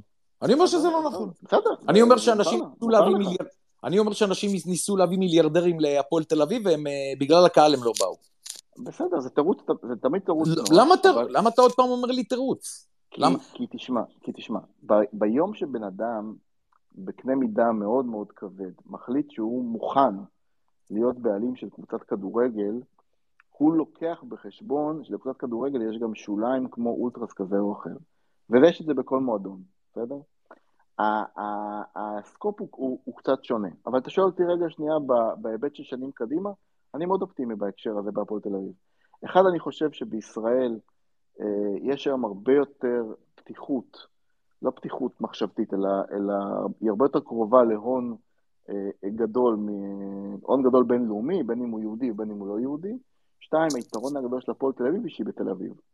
ו, ובסוף אנשים רוצים להיות חלק מהמסיבה. אחת הסיבות שאני פחות אופטימי, זה לא הקהל, זה שכי מיליארדרים או אנשים מאוד מאוד חזקים, בדרך כלל רוצים להיות בצד המנצח. עכשיו, היום להתחרות בתשתיות שנבנו אצל המתחרים, זה קשה מאוד. זאת אומרת, גם אם תביא היום מישהו מאוד מאוד חזק, הוא מתחיל מנקודת, מנקודה מאוד מאוד בעייתית. אבל זה עסק מאוד מאוד מורכב, אני חושב... מה הנקודה הבעייתית? איצטדיון יש, אוהדים יש, מחלקת נוער לתפארת יש, כל ההתחלה הטובה יש. למה אתה אומר בעייתי? לא, אז אני אסביר לך למה. תסתכל שנייה על, ה, על, על איפה, מה, מה איבדנו בעשור האחרון, בסדר? מה הפועל תל אביב איבדה בעשור האחרון? היא איבדה את הנכס האסטרטגי מספר אחת שלה. זה היה הדירוג האירופאי שלה. נכון. אוקיי? לבנות דירוג אירופאי כמו שהיה לנו, כמו שיש למכבי תל אביב עכשיו, זה עשר שנים, לפחות, בסדר? של, של בעלים חזקים, כן? לא בעלים חדשים. אה, אה, לבנות בסיס אוהדים, איבדנו שנים לא טובות ואיבדנו חלק מבסיס האוהדים. אה, לבנות תשתיות, זאת אומרת להביא שחקנים. נכון, הדור האחרון הלך עם מכבי תל אביב ומכבי חיפה, אתה צודק. ולכן, ולכן, כשאתה מסתכל ואתה אומר, אי אפשר להתעלם מזה שבעשור האחרון נפתחו פערים, יש נזקים כאלה ואחרים, אבל אתה שואל אותי, אם יבוא יום אחד, זה יכול הרי להגיע משתי מקומות, או אדם שיש לו איזשהו קשר רגשי להפועל תל אביב, בסדר? ואז זה הרבה יותר קל, כי יש לך קשר רגשי ואתה בעל הון, אז החיבור הרבה יותר פשוט. או שזה מישהו שהוא ניטרלי, אבל הוא רוצה קבוצה בישראל מכל מיני סיבות, בסדר? אז זה, זה, זה יכול להגיע משתי המקומות, אבל אני חייב להגיד לך משהו פרימו, תסתכל שנייה, אלונה ברגת הגיע לפני 14 שנה או 15 שנה, מיץ' גולדבר פה 13 שנה, אני כבר לא מדבר על שחר שהוא 30 שנה, מי עוד הגיע לכדורגל הישראלי? זה לא שכל דקה מגיע לפה איזה בעל הון מאוד מאוד חזק, יש משהו במנגנון שבו הכדורגל הישראלי עובד, שהוא לא תורם, אני חושב שהוא מרחיק, אבל הוא לא תורם לבעלי הון להיכנס למשחק. לא לבעלי הון היזמיים, שרוצים לקחת מועדון ולפתח אותו ולהכניס מזה כסף, ולא לבעלי הון שרוצים את הצעצוע, רוצים את החוויה, רוצים את אבל לא. תשכנע אותי, פרנקו, בדבר אחד. תראה, אייל סגל, אדם עשיר. לא עשיר ברמות שאנחנו מדברים עליהן. ואני אומר לך, שיש אוהדים להפועל תל אביב, כמו, בדיוק כמו שאייל סגל אוהד את נתניה במשך 50 שנה, שבא ווואלה, עושה קבוצה נחמדה מאוד. לא, אז אבל... פרימו, למה, למה אין סגל להפועל תל אביב? אני אסביר לך. לא גולדהר. סגל. לא, קודם כל יש להפועל סגל סגל. שלא יהיה לך ספק. הניסנובים ותושב הם סגל. שיהיה לך את הדבר הזה, תוריד מעצמך. ביכולות הכספיות, ביכולות הזה, זה, זה סגל, זה, זה ה-level. אבל אתה שואל שאלה, שבוא בוא, בוא, בוא נפתח אותה. תראה, להעביר אותו בעל הון של החמישה-שישה מיליון שקלים כל שנה, אה, זו משימה נשאפת. אה, אני חושב שברגע שעננת הקאסט אה, תרד, היא תהיה יותר פשוטה. אני גם יודע שהם כרגע איזה שותף שלישי שם אה, לחגיגה, צ'יבוטרו, תעשה קצת גוגל, אבל, אבל אנשים, אה, אה, כשהם יבואו להפועל תל אביב, ופה נגעת בקהל, אבל אני אתייחס לזה מכיוון אחר. במכבי נתניה אפשר לעשות קבוצה נחמדה, בסדר? כי הקהל מצפה למשהו מסוים. כשאתה תבוא להפועל תל אביב, אתה תשקיע 4 מיליון שקל כל שנה, אתה תקבל כל היום את תוכניות הרדיו והתקשורת, ויקראו לך לוזר, ויצחקו עליך, ויעשו ממך... ו- ומי רוצה את הדבר הזה? זאת אומרת, צריך לקחת בחשבון ש- שאנשים ב-level הזה, אם הם לא אוהדים באמת, ויש להם איזה דרייב מטורף, גם זה חלק מהדבר שמרתיע אותם. כי, כי מי רוצה להיות ה- ה- הזה שחוטף? הרי מחר בבוקר יבוא, בוא נחליף שנייה, יבוא אייל סגל להפועל תל אביב, או, או בן אדם שהוא ממש דומה לאייל סגל בהתנהגות ובאהבה וכל הדברים האלה. דברים שאייל סגל עושה במכבי נתניה, הוא לא יוכל לעשות בהפועל תל אביב. דרך אגב, זה, זה, אני אתן לך דוגמה יותר פשוטה. אם אתה חושב שהפועל תל אביב תוכל לשחק התקפים מול מכבי תל אביב בעשרת המפגשים הקרובים, כמו שמכבי נתניה משחקת מולה, ולהגיד לעצמה, ננצח שתיים ונקבל גם ארבע פעמים חמש אפס, זה לא, זה לא בקנה מידה. כשדראפיץ' היה מקבל את התבוסות שהוא היה מקבל במכבי נתניה, זה היה נגמר, אף אחד לא היה זוכר. בהפועל תל אביב 4-0, 5-0, ולעשרות שנים. הפועל תל אביב הפסידה למכבי תל אביב פעמיים 5-0 ב- בכל ימי חיינו. אנשים זוכרים אותה תבוסה בשנות ה-70. את שנת ה-70, בטח, זה, זה הדרבי הכי זכור. הדר, הדרבי הזכור עם, אה, עם אריק איינשטיין בשער המזרח, אתה זוכר את הסיפור. זה לא אותו קנה מידה. ולכן להפועל תל אביב לא מתאים לנו בעיניי אייל סגל. אם כבר, אז מה שיש לנו עכשיו זה לא כזה רחוק. אנחנו צריכים למצוא פעם אחת דרך להסיר את העננה הזאת של הכעס, כי זה מכשול כרגע, ופעם שנייה, לכוון לבושינסקים, למצוא את הדרך לדבר ל... ל-level הבאמת משמעותי. ועד שלא נביא את ה-level המשמעותי, אני חייב להגיד לך, אני חי עם הניסנובים. לא רוצה חוגג, לא רוצה טביב, לא רוצה אה, את הג'קים, לא רוצה, בסדר? אני, אני, אני אבחר בניסנוב אה, בכל יום נתון על פני החבורה שכרגע תיארתי, בסדר? אם כבר, אז משהו חדש, אמיתי, רציני, שיכול באמת לקחת למקום הבא. עכשיו, צייצתי אתמול משהו שאנשים התעצבנו עליי, ואני חייב להגיד גם משהו בהקשר הזה. למיץ' גולדהר לקח שלוש שנים להבין את הכדורגל, נכון. בסדר? לאלונה לקח שש שנים להבין את הכדורגל. התוצאות של אלונה ברקת בחמש השנים הראשונות גרועות מהניסנובים. גרועות מהניסנובים. עכשיו, גם אם יבוא עכשיו מישהו חדש, עם כסף, ייקח לו זמן להבין. אחת הסיבות שאייל סגל עשה את זה יותר מהר, זה כי הוא כל השנים היה סביב מכבי נתניה, הוא ידע איך הדבר הזה מתנהל. הוא היה ספונסר, אוקיי? הוא הבין איך, איך המנגנון הזה מתנהל. אז גם פה, גם לערך הניהולי הנצבר, גם לזה יש, לזה יש ערך. ולכן, אני לא קם כל בוקר ומתעסק וחושב, יואו, איזה באסה שאיזי שירצקי לא הבעלים שלי. ואני מתייחס לאיזי שירצקי מלפני שלוש שנים, לא לדמות הנוכחית. אבל אני קם כל בוקר ואני מקווה שיקרו שני דברים, שהמכתב מהכעס לא יגיע, ושנצליח למצוא דרך להביא באמת את האוליגרך המשמעותי, שאיתו אפשר לרוץ קדימה. ושוב, המילה אוליגרך היא לא כדי לעקוץ את, אה, את גולדהר, אלא כן להגיד, אוקיי, בואו נמציא את מישהו מאוד מאוד גדול ועשיר וחזק. רומן אברמוביץ', תגיד, גל, גל, אתה איתנו? זה, זה החלום, אתה יודע, כן, פרימו, אני איתכם. תגיד, אתה שומע את השיחה שהיא מתנהלת יותר משעה, מה, מה היית רוצה לדעת? תשמע, קודם כל אני חייב לציין שפרנקו הוא מפלצת טוויטר, כן? מעבר ל... ליכולות הוורבליות שלו ולידע הרב, הוא יודע להשתמש ב... באפליקציה בצורה האופטימלית ביותר. פרנקו, איזה, בשביל זה איזה, אני לא מבין. איזה, מקום אתה, איזה מקום אתה במשפיעים, פרנקו? 200, לא 300? מה, אני חושב שמשהו כזה, כן. אני- בשביל זה אני לא מבין אותו. זאת הסיבה, הנה, מה שאמרת. תשמע, בחורצ'יק עם 6,000 עוקבים, מקום 200, 300, להסיר את הכובע, איך שאומרים. דרך אה. אגב, אני חייב להגיד שמאז שפרימו צייץ עליי בבוקר, נוספו לי איזה 150 עוקבים. לא מאמין. לך, אתה עובד עליי. נש- נשבע לך, פרימו. רגע, אז איך זה עובד? לא, עכשיו תסבירו לי באמת, שניכם.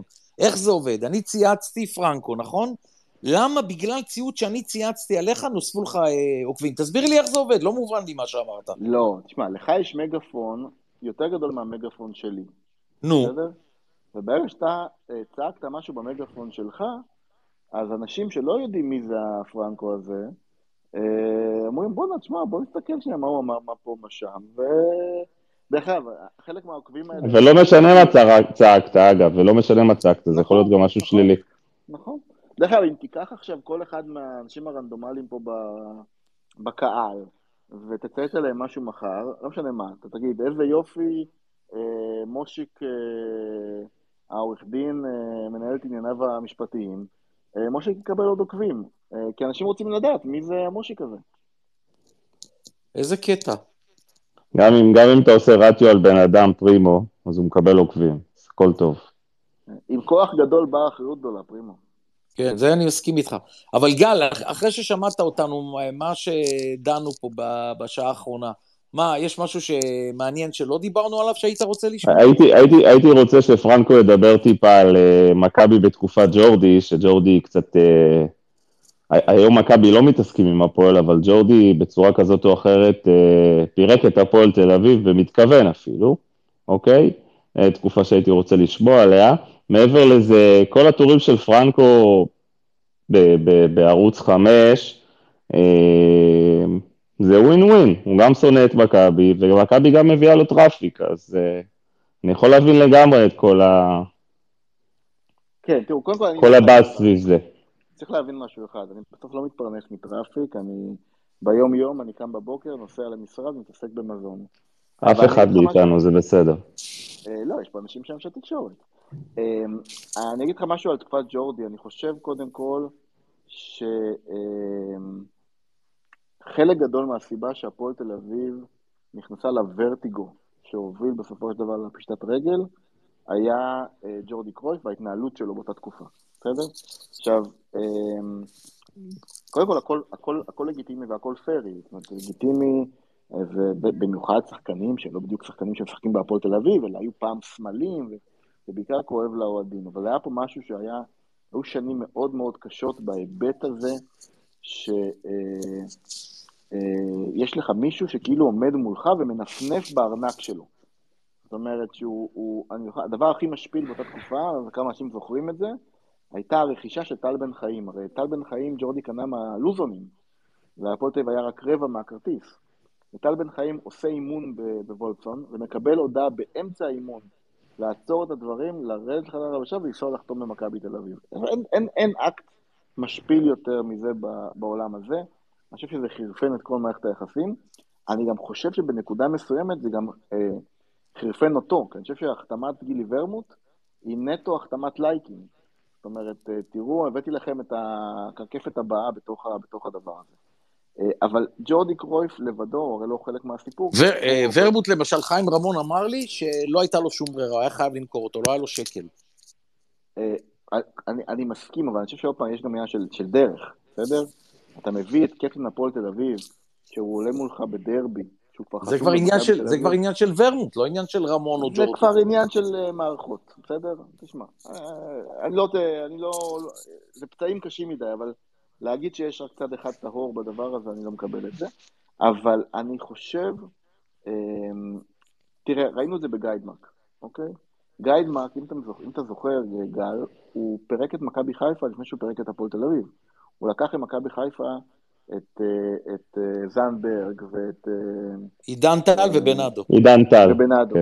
אוקיי? זה, הוא לקח להם את הלב, והם היו אלופים באותה תקופה. מהפועל תל אביב הוא לקח רק את, את שמעון גרשון. אבל אמרתי בוצ'ימוי. קודם, ואני... אגיד- מה? בוצ'ימוי גרשון. אבל אמרתי כן. קודם, שימוי. הפועל תל אביב היא קהילה קטנה, קנאית ולעומתית. והאוהדים של הפועל תל אביב התחרפנו מסיפור גרשון הרבה מעבר לאוה- לאוהדים של מכבי חיפה שהתחרפנו מסיפור, אה, מסיפור גיידמק, אוקיי? בהפועל תל אביב הדבר הזה, הוא, הוא נוגע בנימים מאוד מאוד אה, אה, משמעותיים. זה לוקח אותנו לשמעון מזרחי של העולם, זה לוקח אותנו למקומות לנחיתות מובנית בגלל הכסף הגדול של מכבי לאורך השנים. וקרויף עשה את זה, וערן זהבי עשה את זה יחד איתו, ואני חושב שהיו שנים מאוד אלימות ורעות ב, ב, ב, בעולם הזה. אמ, וגם צריך להיות אה, גם פיירים, גם חלק מהאנשים, אמרת, רמון רצה למכור, גם, גם היום הניסונובים מתים למכור את השחקנים למכבי, כן? וזה בסדר, אבל אז זו הייתה תקופה שהייתה מאוד מאוד קיצונית, אמ, ואני חושב שזה חירפן את המערכת יחסים, זה, אה, אה, זה לא אפשר לחיים רמון, זה לא אפשר לכביר, זה לא אפשר לאף אחד שיקול דעת, כי אנשים היו באמוציות מאוד מאוד, אה, מאוד, מאוד כבדות, והמחיר שלה הייתה פשיטת, פשיטת הרגל, שייתכן שבניהול אחר הייתה יכולה להיות אה, קצת שונה. יכול להיות שג'ורדי קרי- קרויף ניצל את הפועל תל אביב בגלל המצוקה הכלכלית שלה? ואת זה אתם לא אוהבים? מה, מה זאת אומרת? מה זה יכול להיות? תראה, קודם כל, ג'ורדי קרויף, לפני שהוא הגיע לישראל, הוא חתם, בוא נגיד ככה, הוא חתם עם אנגלידיס, אני חושב שהוא היה, הוא מגיע באפריל ככה עוד, אה, לראות משחקים של מכבי, הוא חתם באפריל ויודע שהוא הולך לקיץ מאוד משמעותי. מה הדבר הראשון שאתה עושה אם אתה מגיע או אתה מנהל מקצועי? אתה הולך לראות את כל הקלטות, או קלטות זה מונח כזה ישן, נכון? אתה הולך לראות את כל המשחקים של השנתיים שלוש האחרונות של הליגה הישראלית. עכשיו, מה, מה, מה, מה, מה הוא ראה שם? הוא ראה את הקבוצה הכי גדולה של הפועל תל אביב, אבל בין הקבוצות הכי גדולות שהיו בכדורגל הישראלי. קבוצה מופלאה, בסדר? אז ברור שאתה, זה, זה מה שאתה מכניס לפנקס. ברור שאתה אומר לעצמך, אני הולך לפרק אותם עכשיו. בסדר? עכשיו, אתה לא עושה... עכשיו, אני חושב שאז הוא לא הבין את המשמעויות. אבל ברגע שהפך להיות יותר ויותר ישראלי, והתערבב פה, והתערבב פה, והתערבב פה, זה כבר היה פחות מקצועי. אוקיי, אלה השחקנים שאני רוצה להביא, הם הכי טובים, אותם אני קונה. בסדר, זהבי, שכטר, כל החבורה הזאת, הוא רדף אחרי כל החבורה הזאת, והפך להיות משהו של, אוקיי, זה גם עושה טוב למותג, זה כבר מוציא אותי מלך, זה כבר, זה כבר עוקץ אותם, וכבר שובר אותם, וכל הד... כל הדברים האלה. אני חושב שאדם, אה, ויש לי את זה בעבודה השוטפת שלי, אני עובד בחברה בינלאומית, ואני עובד פה עם אנשים שעושים רילוקיישנים, אני חושב שבשנה הראשונה אתה עוד מאוד מאוד מאוד פורינר, בשנה הרביעית אתה כבר ישראלי. גם אם אתה מדבר אנגלית. וכשאתה הופך להיות ישראלי, אתה הופך להיות מכביסט, או הפועליסט, או לא משנה מה, האמוציות נכנסות, וזה היה חלק מהסיפור הזה. שנים מאוד מאוד רעות, מבחינתי. פרנקו, אה, פרנקו, אני תמיד אומר אה, שג'ורדי היה סוג של ארס, ארס ישראלי אפילו בסוף אולי, כן? הוא היה. מדבר עם שחקנים תחת חוזה, והיה שולח אס.אם.אסים, והיה מציק, והיה מטריד, והוא הצליח להביא את ערן זהבי וטל בן חיים, והשד יודע מה הוא עוד עשה. אה, בסופו של דבר צריך לקרוא לילד בשמו, כן? כן, אבל בוא נאזן, הוא גם הביא את אה, אבו זיאד, רייכרד ו... לא, לא, אתה לא, יודע, בסדר. בסדר. אה, נ- נגעתי, נגעתי בהצלחות, אה, יכולתי באותו, באותה מידה לנגוע גם בכישלונות. אתה יודע, התכוונתי ל... אני- קודם כל אני מקבל את זה, אני מקבל. דרך אגב, עוקביי בטוויטר יודעים שאני מכנה הרבה פעמים את מה שקורה במכבי תל אביב, ניסנובים עם כסף. זאת אומרת, חלק מהמנהלים לאורך השנים במכבי תל אביב, בעיניי, התנהגו, אתה קראת על זה ארס, אבל התנהגו בצורה שהיא מאפיינת את המנהל הישראלי המצוי, רק שהכסף הוא בצד, ש... בצד שלהם. ו... ואצל ג'ורדי הייתה, היו תקופות שזה היה מאוד משמעותי. אבל אני אגיד לך משהו על הדבר הזה, חושב שפה... פרנקו, אתה דבר- חייב לש- ל- לשפר את המיקום שלך, כי אתה מאוד מאוד בטח, אתה- מקוטע. אתה אלא- נעלם... אלא- אלא אלא אם כן אתה על וי-פיי, אז בכלל תוריד את הווי-פיי, תעבור לסלולר. לא, לא, לא. אה, שומעים אותי עכשיו?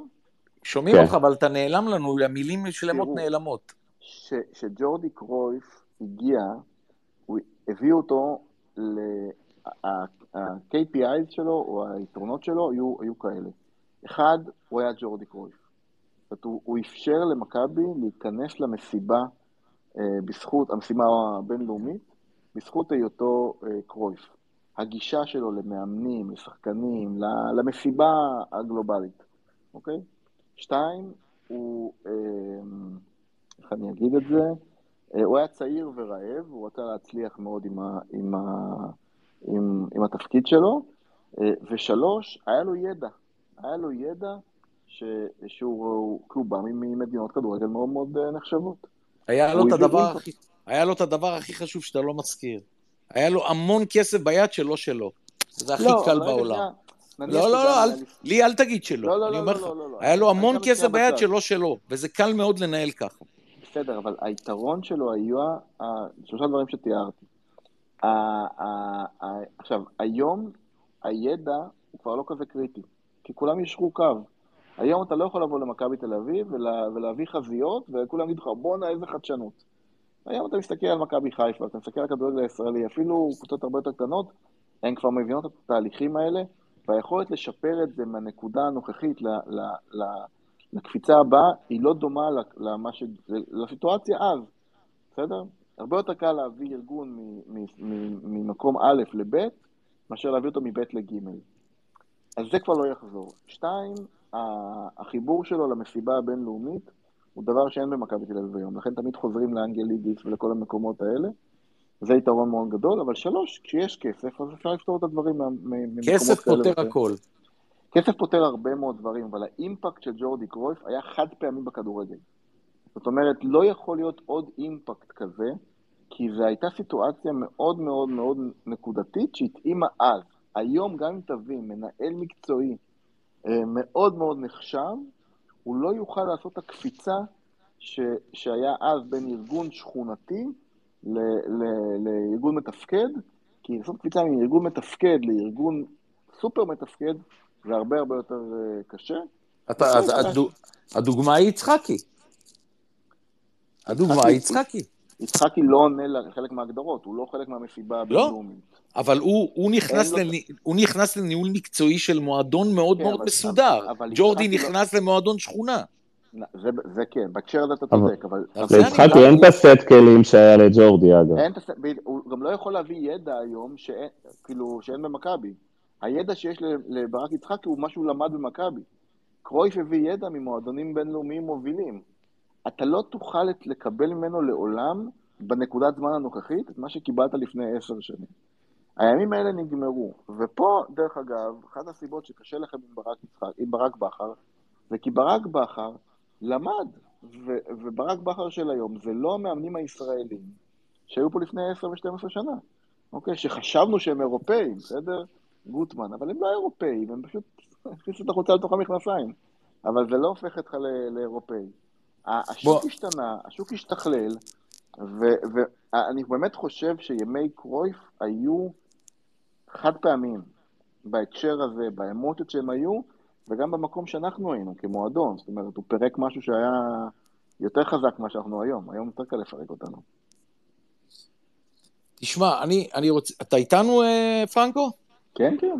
יופי, לא, כי אתה קצת נעלם. אה, תשמע, אתמול נגענו באיזה נקודה ב space, ואני רוצה לשאול אותך. אה, טוב, אמרת כבר בתחילת הדברים שאתה שונא את מכבי תל אביב, ואתה לא רוצה שהם יצליחו ולא יזכו באליפות, ואתמול דיברנו ב space על הנקודה הזאת של אה, הפלייאוף העליון. ואני אמרתי אתמול ב space, שאיך שאני לא אסתכל על זה, שחקן של הפועל תל אביב שיעלה למשחק נגד מכבי תל אביב, הוא יתאבד. כשהוא יעלה למשחק נגד מכבי חיפה ובאר שבע, הוא ישחק. תקשיב. אני, אני שואל תקשיב. אותך אם זה... איך זה... אתה מרגיש?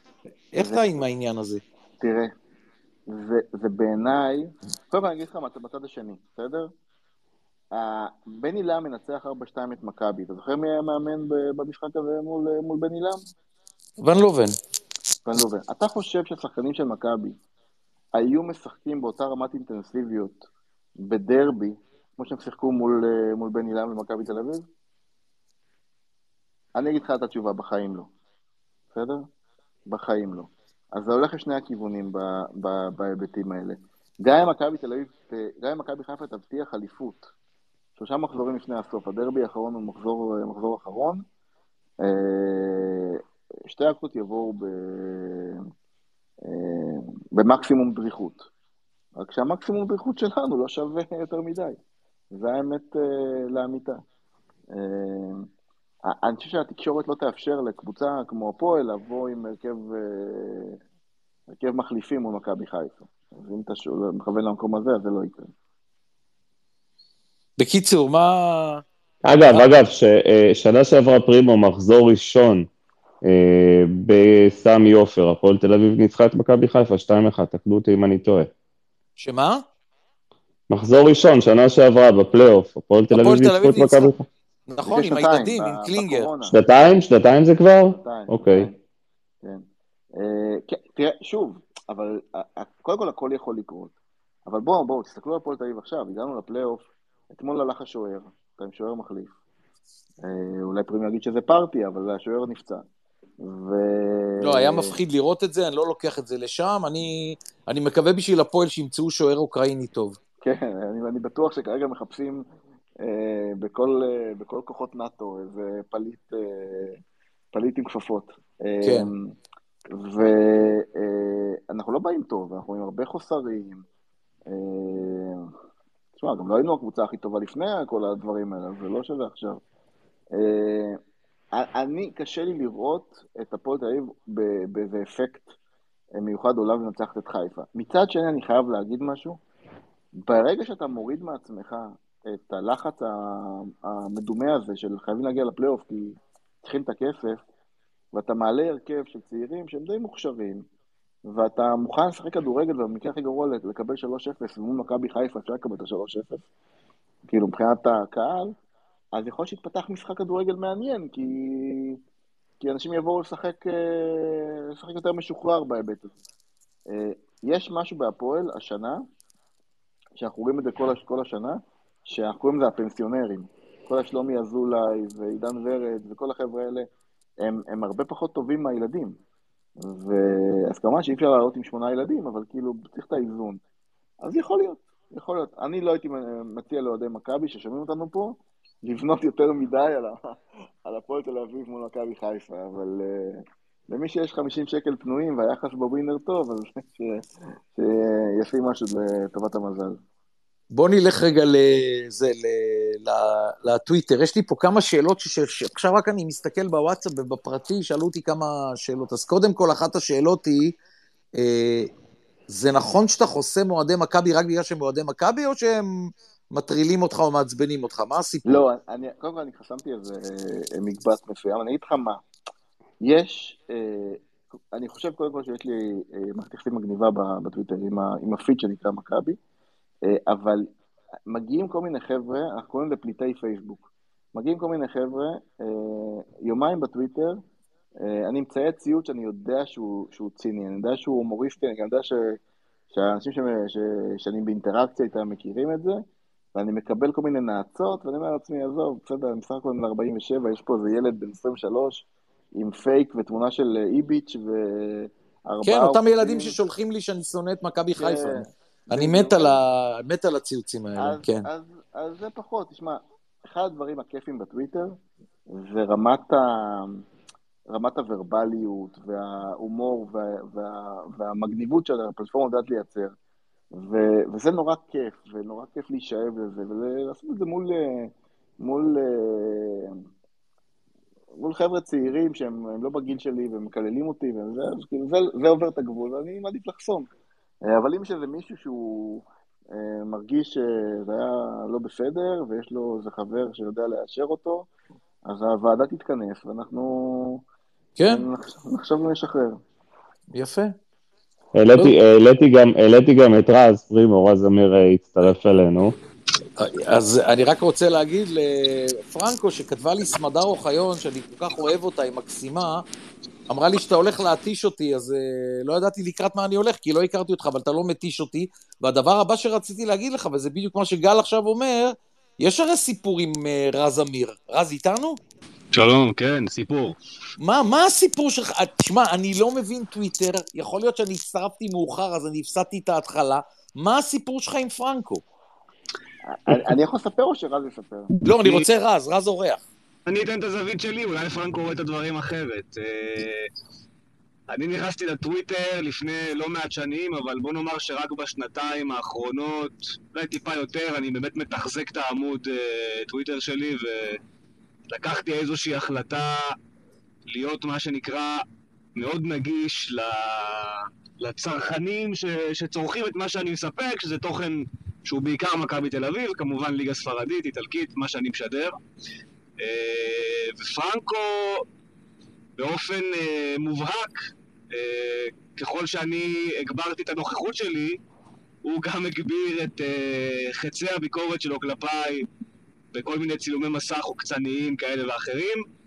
והחלטתי במקום לעשות פעולה מאוד נוחה, שהיא פשוט להתעלם, ויש אפילו אחרים שאולי גם היו חוסמים, או משתיקים, החלטתי שאני, מה שנקרא, עונה לפרנקו, ואפילו מפתח איתו סוג של מערכת יחסים uh, מאחורי הקלעים שאתם לא מודעים אליה. Uh, מתוך הבנה שזה חלק מה, מהמקצוע, גם uh, להיות בסוג של תקשורת עם, עם כביכול האופוזיציה שלך, או, או סתם מישהו שרוצה לעשות עליך סוג של סטלבט, וגיליתי בן אדם אה, מאוד, אה, מאוד שנון, מאוד חריף, אה, מאוד עוקצני, ואני אוהב את זה, אני אוהב את זה. בעיניי הפלטפורמה הזו היא לא רק לדווח חדשות, והיא לא רק לצייץ את דעתי, היא גם, ה... היא גם הקטנות האלה עם, עם פרנקו, ואני מאוד נהנה מזה. זאת אומרת, אין, אין דם רע, זה הכל בקטע כיפי. ממש לא. ממש לא, ממש לא דמרה, לא, לפחות לא ממני. בואו נשמע את אותך, אז בואו נשמע את פרנקו. לא, אז אני, אני אגיד, קודם כל באותו, באותה רוח, קודם כל, האוזן שלי, אחרי 20 שנה בעולם של פרסום ושיווק והמקומות האלה, האוזן שלי מאוד רגישה ל, ל, לניואנסים שאני יודע שנמצאים מאחורי הקלעים. אני לפעמים יכול לראות כתבה מסוימת ולחשוב מאיפה היא הגיעה, ומי הגורם שמעביר אותה, ומאיפה זה, זה בא.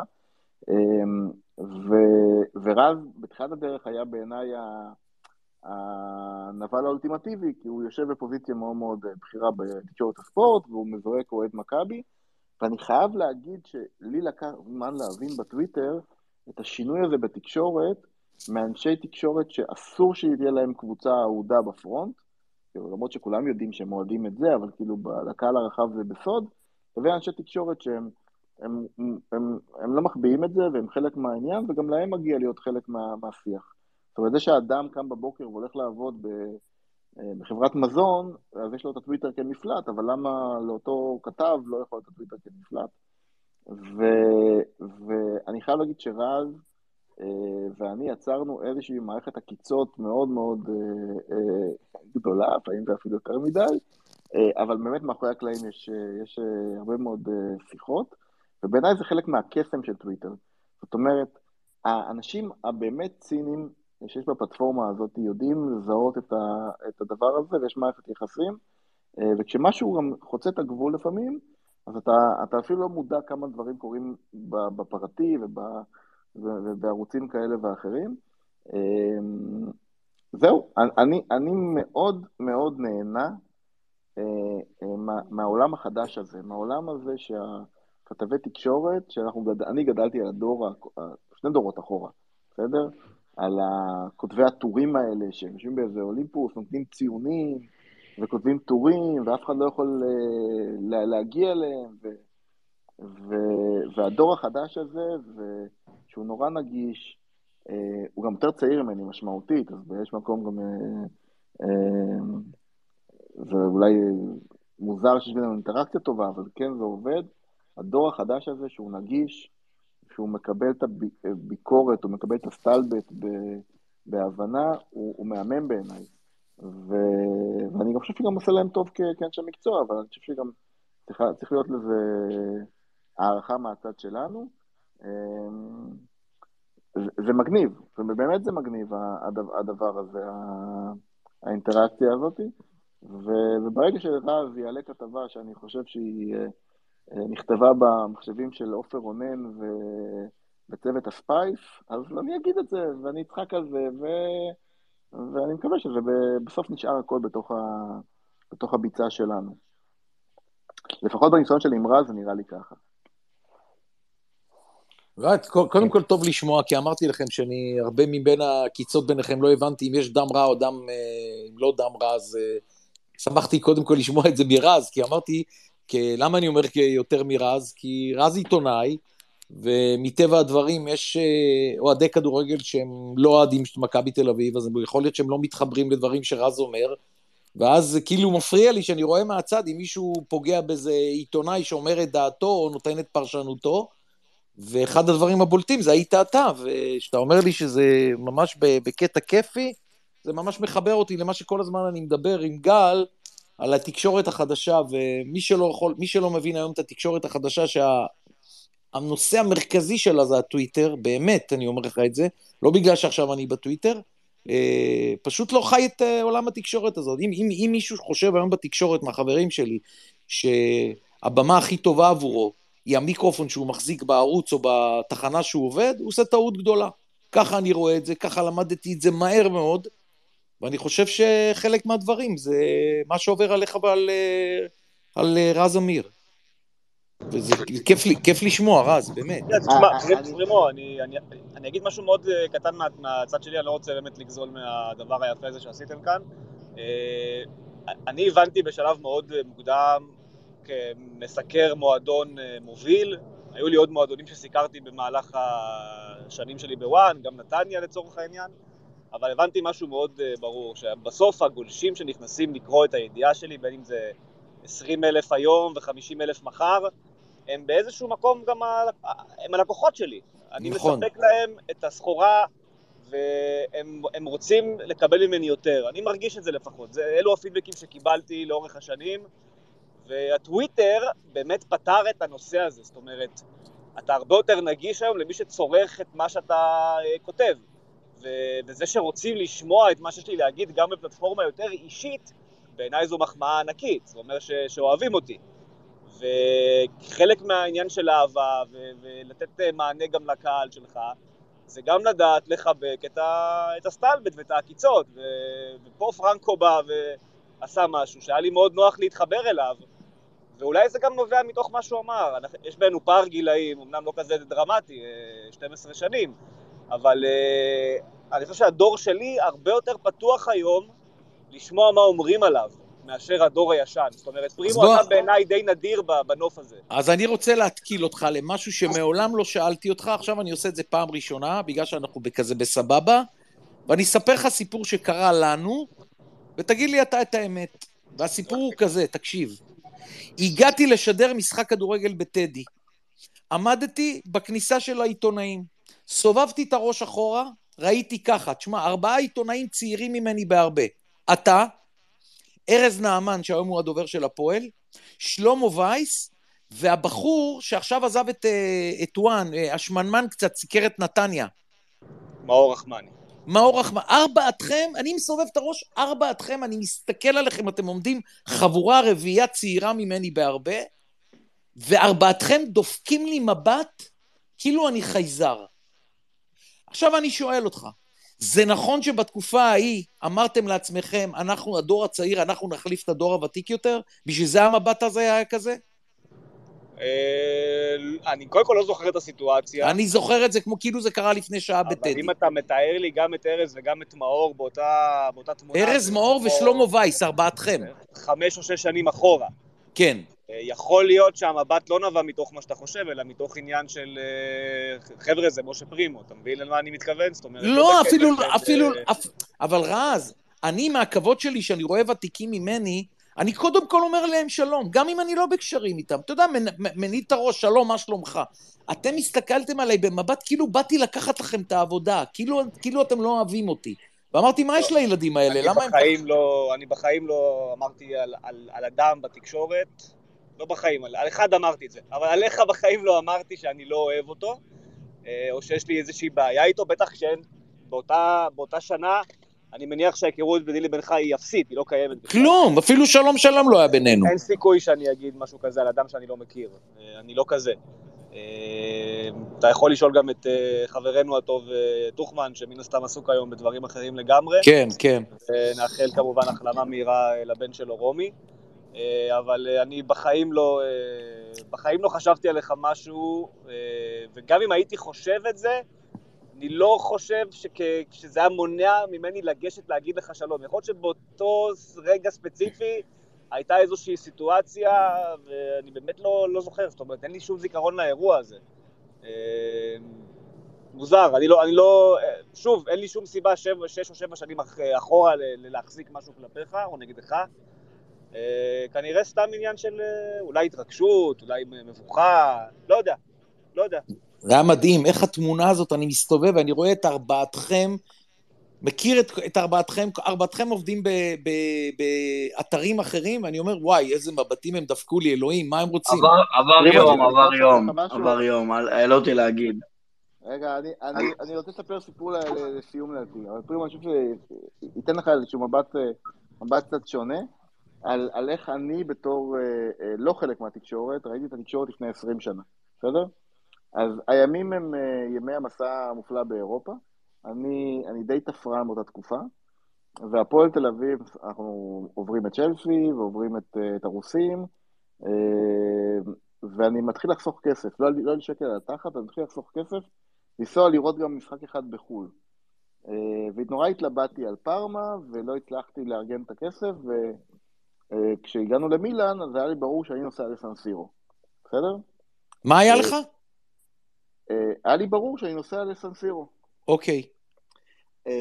עכשיו, שלושה ימים לפני המשחק הראשון בקפריסין, עבדתי אז בחברת הפקות וקיבלנו קיבלנו הפקה, אורן מוסט היה אז משנה למנכ"ל סלקום, היה אוהד הפועל, והוא ארגן טיסה של, של לקוחות זהב למשחק. אז uh, כמובן הייתי על המטוס, ואת כל המשחק אני רואה, כולי במתח, וזה היה מטורף שם, ומי שעומד מאחוריי זה ציון אנוס. עכשיו, בשבילי, אה, ציון אנוס מהטלוויזיה, הוא, הוא בן גילי, כן? כן? ציון אנוס מהטלוויזיה, זה לא כמו שהיום אני יורד על רז אמיר בטוויטר, זה, זה חייזר, בסדר? ומסתיים המשחק, והיו ריקודים ושמחות מטורפות, ב... ואני פוגש את ציון אנוס עוד פעם ב... בשדה, בסדר? ואז היה קצת זמן פנוי, וכבר נוצר איזשהו קשר מבטי עיניים וזה במשחק. אנחנו מדברים קצת, ואני אספר לו ש...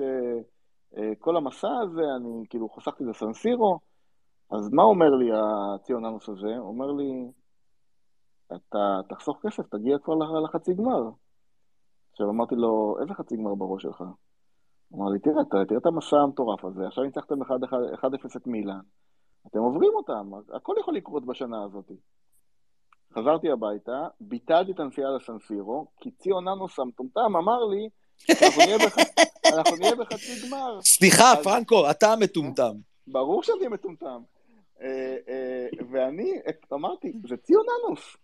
הוא בתקשורת, הוא מבין, הוא מבין הרבה יותר ממני. אם הוא אומר שאנחנו בחצי גמר, עדיף לי לחסוך את הכסף ולא לנסוע, בסדר? עכשיו, מי יחזיר לי את ה-500 דולר האלה שהלכו על אלף ואחד דברים אחרים לאורך השנים, אבל חוויה כזאת בחיים לא, לא, לא חוויתי, אבל הרעיון הזה, שהיום ציון אנוס הוא, הוא, הוא מרחק אה, ציוץ אחד ממני, ואפילו פה, בזה, אנשי תקשורת כאילו אה, יותר בכירים ממה שציון אנוס היה אז, הם, הם זמינים, הוא, הוא דבר שלדעתי הדור הצעיר לא מבין בכלל. הוא לא מבין את הריחוק, הוא לא מבין מה זה היה אה, כתב ספורט בימים שאני גדלתי עליהם, בסדר? ב, בימים של אה, אה, שני עיתונים, ו... וזהו. ו... זה עולם אחר לגמרי, אה, ואני חושב שגם אנחנו בתור יוזרים, לפעמים קצת אה, מנצלים אותו יותר מדי, אבל, אבל המסיבה שיש היום בתקשורת הספורט, היא מסיבה מדהימה, הם, הם ימים ש, שאי אפשר אה, לחזור, לפעמים זה גם עולה קצת לכל מיני אלימות, ואנשים מגיבים באגרסיביות על הערוץ הזה והערוץ הזה והכתב הזה, אבל, אבל ב overall הכללי, זה, זה כל כך הרבה יותר טוב מה, מהמציאות התקשורתית שאני גדלתי אליה, שאי אפשר בכלל להסביר. ודרך אגב, זה טוב בכל הרמות. בזמינות של החוויה כאוהד, בנגישות של השידורים, באמת, כאילו... אני אגיד לך, אני סוגר בנובמבר 34 שנים. אני נכנסתי לתקשורת ב-88, נובמבר 88, התקבלתי לכל ישראל, ועוד מעט אני אסגור 34 שנים. ב-34 שנים האלה עברנו שני שינויים מאוד מאוד משמעותיים. אתה יודע מה? לא רוצה להגיד עברנו. עברתי שני שינויים מאוד מאוד משמעותיים. השינוי הראשון, כניסת האינטרנט. למה אני אומר לך את זה? כי כשאני הייתי מפרסם משהו, זה היה רק שלי. לא היה לי חשש לא מאינטרנט, לא מעיתון, לא כלום. סקופ שלי זה סקופ שלי בלבד, בתוכנית בכל ישראל. זה, זה המעבר הראשון שעשינו לאינטרנט, שפתאום התחיל לעבוד 24-7 אה, והייתה תחרות וקשה לך היה מאוד לצאת עם משהו ראשון ברדיו. והמהפך השני זה הרשתות החברתיות. ואני אומר את זה לך, לרז ולגל, ואתם יודעים את זה פי אלף יותר טובים ממני, כי אני לא שולט כל כך בחומר ברשתות החברתיות, אבל מי שלא מתאים את עצמו לרשתות החברתיות לא מבין שהיום זה התקשורת החדשה. תשמע, זה שינוי מה שאמרת, פרנקו, שחבל על הזמן. אתה יודע, אתה פעם בשביל לרצות לדבר איתי, היית צריך להרים אליי טלפון של בזק, לתפוס אותי בבית. לא היה פלאפון אפילו. הייתי, בשביל למצוא מאמנים ושחקנים הייתי מתקשר אליהם לבזק הביתה. תראה את השינוי, האינטרנט, הפלאפונים ועכשיו הרשתות החברתיות. רימו, אתה יודע מה הייתי עושה בתור ילד בן... זה מטורף. שגר במושב ליד נתניה, בשביל להשיג גיליון של עיתון העיר, כדי לקרוא את עלי מוהר וכתבות על הפועל תל אביב באותה תקופה. עזוב, אבל, היית... עזוב, אבל לא. שירים ושערים בשבת שמעתם מיליון מאזינים, לא הייתה ולא תהיה תוכנית אז, כזאת. לא, אז אני אספר לך עוד משהו על, אתה יודע, גם על שירים ושערים וגם על, אה, וגם על המקבילה בסל, את הצעד וחצי. צעד וחצי. אני בתור מושבניק, אותנו... אגב, רוני דניאל, רוני דניאל, זכרו לברכה, הביא אותי פעם לצעד וחצי, אמרתי לו, אין לי מושג בכדורסל. אמרתי לו, לא מה אתה נותן לי? הוא אומר לי, תשדר, אתה תשדר טוב. אתה יודע איך הוא היה מבסוט ממני? כן, יהיה בסדר. אז, אז אני גדלתי, עזוב את זה שאנחנו, שאני גדלתי בתור ילד, היה רק ערוץ אחד, זה נשמע ימי אנו באנו, אבל מושבניק שמנותק מהעולם, בסדר? וגם כשחיברו את המדינה לכבלים, אז החברים שלי בנתניה היה כבלים, ואז פתאום ערוץ הספורט, ויש איזה שידור, ועופר שלח כזה, וכל החדשות הספורט, ולנו זה הגיע בדיליי של חמש שנים. אני, את, את, את הפועל תל אביב הגדולה של שנות ה-80, אני מק... בכדורסל, ותחילת שנות ה-90, מכיר מהרדיו, בסדר? עכשיו, עכשיו, זה שאני הספקתי גם לחוות את כל הדבר הזה ולהיות היום בדור דיגיטלי כזה, זה מדהים, אבל לי יש גם את החוויה של איך זה היה פעם. פרנקו, אני, פרנקו, אני רוצה לחזור איתך לציון אנוס, אני חייב להגיד לך, בעקבות ה space הזה, אתה ופרימו גירדתם את החמש מאות מאזינים כמעט לאורך כל ה space, אני מבטיח לך שאם עכשיו אה, ציון אנוס ובן כספית לצורך העניין פותחים space, הם לא מביאים את ה-200. לא עושים 200, בדיוק. אני חייב אבל גל ופרנקו ופרימו, כי מה שפרימו מקודם אמר, יושב לי פתאום, כי, כי זה לגמרי לא, לא אני, ואני אתן לך פרימו סיפור, אמרנו אנחנו פה באווירה של, אה, אווירה יותר חברית ואינטימית. כן, אתה יודע, נפגשנו כל כך הרבה סיפור... פעמים בבלומפילד, מעולם לא שאלתי אותך את זה אפילו. אז אני, אסביר, אז אני אסביר לך למה זה רחוק ממני שנות אור. אני גדלתי כמו פרנקו במושב, גדלתי בכפר תבור, אה, רוב הילדות שלי הייתה בכפר תבור. אה, לא ילדות קלה, לא נולדתי לתוך בית בריא. אבא שלי היה הלום קרב ממלחמת המפרץ. אה, הוא עדיין הלום קרב במלחמת המפרץ, אה, וסבלתי מזה לא מעט. אחד הדברים שהוא באמת עשה אה, מאמץ גדול להרחיק אותי מהם זה הכדורגל. הוא שנא את זה שאני אוהב כדורגל, הוא לא יכל לסבול את זה, וזה היה מגיע לרמה של פשוט תנתק אותי לגמרי מה, מהדבר הזה. זאת אומרת, אסור לי לקרוא עיתון ספורט, אסור לראות טלוויזיה, אין, אין בעצם את ה... אין כדורגל. אתה, אתה לא תהיה כדורגלן, אתה לא תעסוק בכדורגל, זה מה שהנחה אותו. הוא לא פעל מתוך מקום בריא, אני היום מבין את זה אחרי המון שנים, אבל, אבל זו הייתה הילדות, לזה גדלתי. והמפלט שלי היה בכל יום שישי, בשעה שלוש בצהריים, לפתוח רשת ב' ולשמוע גם את הקולות שלך, בין היתר, משדרים את הכדורגל הישראלי שאני כל כך אהבתי. לשם הייתי יכול לברוח, זה הדבר היחיד שהוא לא הצליח בעצם אה, לגלות שאני אה, עושה, אה, ודרכו אני מתעדכן על כדורגל ישראלי בכל יום שבת.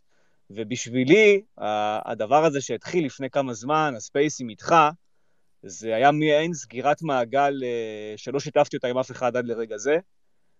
סוג של ניצחון פרטי שלי על, על הדרך שעברתי בחיים שלי. ולכן אה, אין שום סיכוי שאני הייתי רואה אותך בטדי ומפגין כלפיך מבט מזלזל מתוך איזושהי מחשבה שנובעת מזלזול או סלידה או משהו כזה. אה, זה בדיוק הפוך. אה, בשבילי ה- היכולת להיות היום חלק מה- מאותה, מאותה קבוצה שאומרת אה, אני ומשה פרימו ואחרים שגדלתי עליהם, בעיניי זה, זה, זה הגשמת חלום, וזה הניצחון הקטן שלי על, ה, על החיים שלי. לכל אחד מאיתנו יש מטען, ולכל אחד יש סיפור חיים, אבל זה, זה אחד הניצחונות שלי אה, במקרה הזה. אז אם וואו. במקרה עד היום חיית באיזושהי תחושה שאני... זה לגמרי הפוך, זה בדיוק הפוך משם. זהו, זה היה הסגירה, הסגירה שלי איתך. מחמיא מאוד מה שאמרת. לא, לא, ש, לא שחס וחלילה חשבתי שאתם לא אוהבים אותי וזה, אבל אני רק אמרתי, המבט שלכם היה כאילו אני מפריע לכם. אף אחד לא אמר שלום, אף אחד לא חייך, כזה, כולכם, ארבעתכם עמדתם קפואים כזה, ואז נכנסתי לאצטדיון, אמרתי, מה קרה לחבר'ה הילדים האלה? ראו, אתה מבין? אבל אה, לא, לא, בשום אופן לא הייתה לי מחשבה שאתה שונא אותי חלילה, או מה, מה פתאום? וזה שאתה אומר, הספייסים עכשיו, ושכאילו אנחנו עובדים ביחד ב space, ונהנים אחד מהשני, ומדברים אחד עם השני, זה, ואתה אומר שזה סגירת מעגל, מחמיא לי מאוד, אה, רז. אהלן לכולם, רק רציתי להגיד שמילת היום היא בבואה. לילה טוב. לילה טוב, עידו, לילה טוב. יאללה, אנחנו לקראת סיום, אה, גל? אה, כן, הגיע הזמן. אני, אני מבחינתי אמרתי לפרנקו 40-50 דקות בלחץ. הייתי בטוח, הייתי בטוח שזה שעה, אנחנו בדיוק שעה 45. היה כיף גדול, פרנקו. גם לי, גם לי פרימו. וגם לרז שהצטרף. ו... יש עוד מישהו שרוצה לדבר, שעלה, דובר, מתבייש, חושש, יש לנו פה שני אנשים. הירש, איתמר, לפני שאנחנו סוגרים, אגב, הספייס הזה יהיה במוקלט, אז יהיה אפשר להאזין כאן בטוויטר, גם מחר, מחרתיים. יופי של עבודה הדבר הזה, העבודה הטכנית הזאת, שאפשר אחרי זה לשים הקלטה. תבורכו אתה ומיכאל, באמת. לא, לא, ההקלטה הזאת היא לא שלנו, ההקלטה זה של הטוויטר, אני משאיר אותה פה באתר. לא, אבל ו... אה, מי, ש, מי שעשה את זה ראשון בעצם זה אתה ומיכאל, לא? מאז שביקשו מכם לעשות uh, הקלטות. אנחנו, אנחנו, מקליטים, אנחנו מקליטים את הספייס מחוץ לטוויטר, באונליין, ומשתדלים להעלות את זה לפלטפורמות כמה שיותר מהר. יש יופי. גם את ההקלטה המובנית, כן, של הטוויטר, שהיא קצת עושה בעיות, נעלמת, באה, חוזרת, אחרי יומיים אני לא יודע מה קורה איתה, אבל uh, אם תרצו, אני יכול להעלות את זה לספוטיפיי אפילו, מה שתגידו. Uh, אחלה, היה, היה ממש נחמד, היה ממש כיף. היה uh, כיף. רציתי לשאול, רציתי לשאול את פרנקו שאלה אחרונה שעניינה אותי, פרנקו, יניב. דבר אליי. מאיפה הדרייב הזה? לפעמים אתה נכנס כזה לטילט של ציוצים שאני קורא ואני פשוט לא מאמין איך בן אדם בן 47-8, כאילו, לא, לא, לא בקטע רע, אתה יודע, באמת, באמת, זה מה שאני אומר לעצמי, כאילו, what the fuck, מאיפה לא, הכוחות האלה, מאיפה ה... אני אגלה לכם עוד משהו עליי, אני... במיוחד שאתה כותב את הטור שלך בספורט 5, בערוץ 5 בשבת, אז אתה מתחיל עם כל הטרור, איך שאני קורא לו.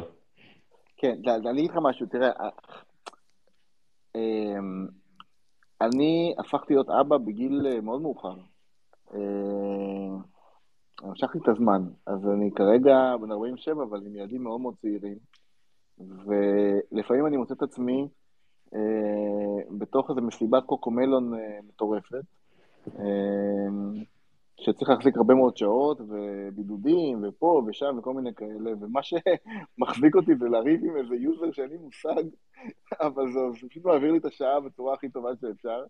אה, ואחר כך אני קולט שבעצם אנשים ראו ואמרו, בואנה, כמה ציוצים הוא מצייץ. אה, זה פעם אחת. פעם שנייה, באמת, אני חושב ש... אה, אני חושב שאני טוען, בסדר? הרבה יותר טוב בזכות העולם הזה של, של, של הטוויטר, בסדר? דרך אגב, גם דה באזר עשה לי את זה, עשה לי את זה, זאת אומרת שהיינו מדבר, מגיבים ומחזירים, ויש אינטראקציה מאוד מאוד טובה. ולפעמים אתה נופל על אה, דיון ש, אה, שמאתגר אותך ממש, וזה, וזה מהמם, זה כאילו, זה, זה מוציא דברים מאוד מאוד טובים. אותי זה גם מאוד משפר בעבודה. אני הרבה יותר ערוץ בגלל זה, אני הרבה יותר מחודד בגלל זה. אה, כשאתה כותב הרבה, נגיד הטורים עוזרים לי לכתוב טוב יותר אה, דוחות, וה, והוויכוחים עוזרים לי להתחדד טוב יותר ולהעביר, אה, ולהעביר חומרים מקצועיים בצורה יותר טובה.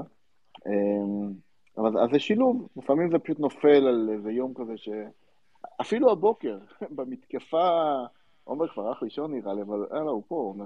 במתקפה על, על מכבי נתניה, ואז פרימו הצטרף, זה היה מתקפה שבמקביל לציוצים האלה, אני, אה, עם אה, מובילים על הראש ומתקינים וכל מיני דברים כאלה, ואם לא היה לי את הטוויטר הייתי בוהה בהם. עושים כל מיני דברים שאין לי מושג, אז, אז זה, בא מה, זה בא מהמקומות האלה. ולחבר'ה הצעירים שנכנסו רק לאחרונה, צריך להגיד, טוויטר זה דבר ממכר. נכנסים לזה יותר ויותר ויותר, לפעמים קשה לעצור. אז זה חלק מהעניין, נראה לי שגם בשנתיים האחרונות, עם כל הקורונה וכל השיבושים שהיו פה, אז גם זה ייבא חלק, מה, חלק מהדברים. נראה לי שזה עונה על השאלה. יפה, אז עם זה נסיים. אז קודם כל אני רוצה להודות לגל.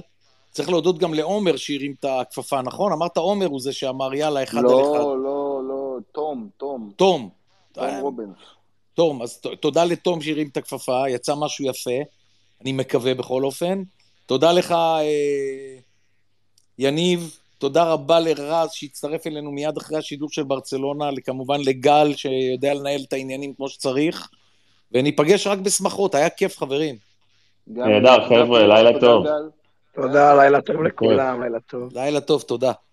לילה טוב.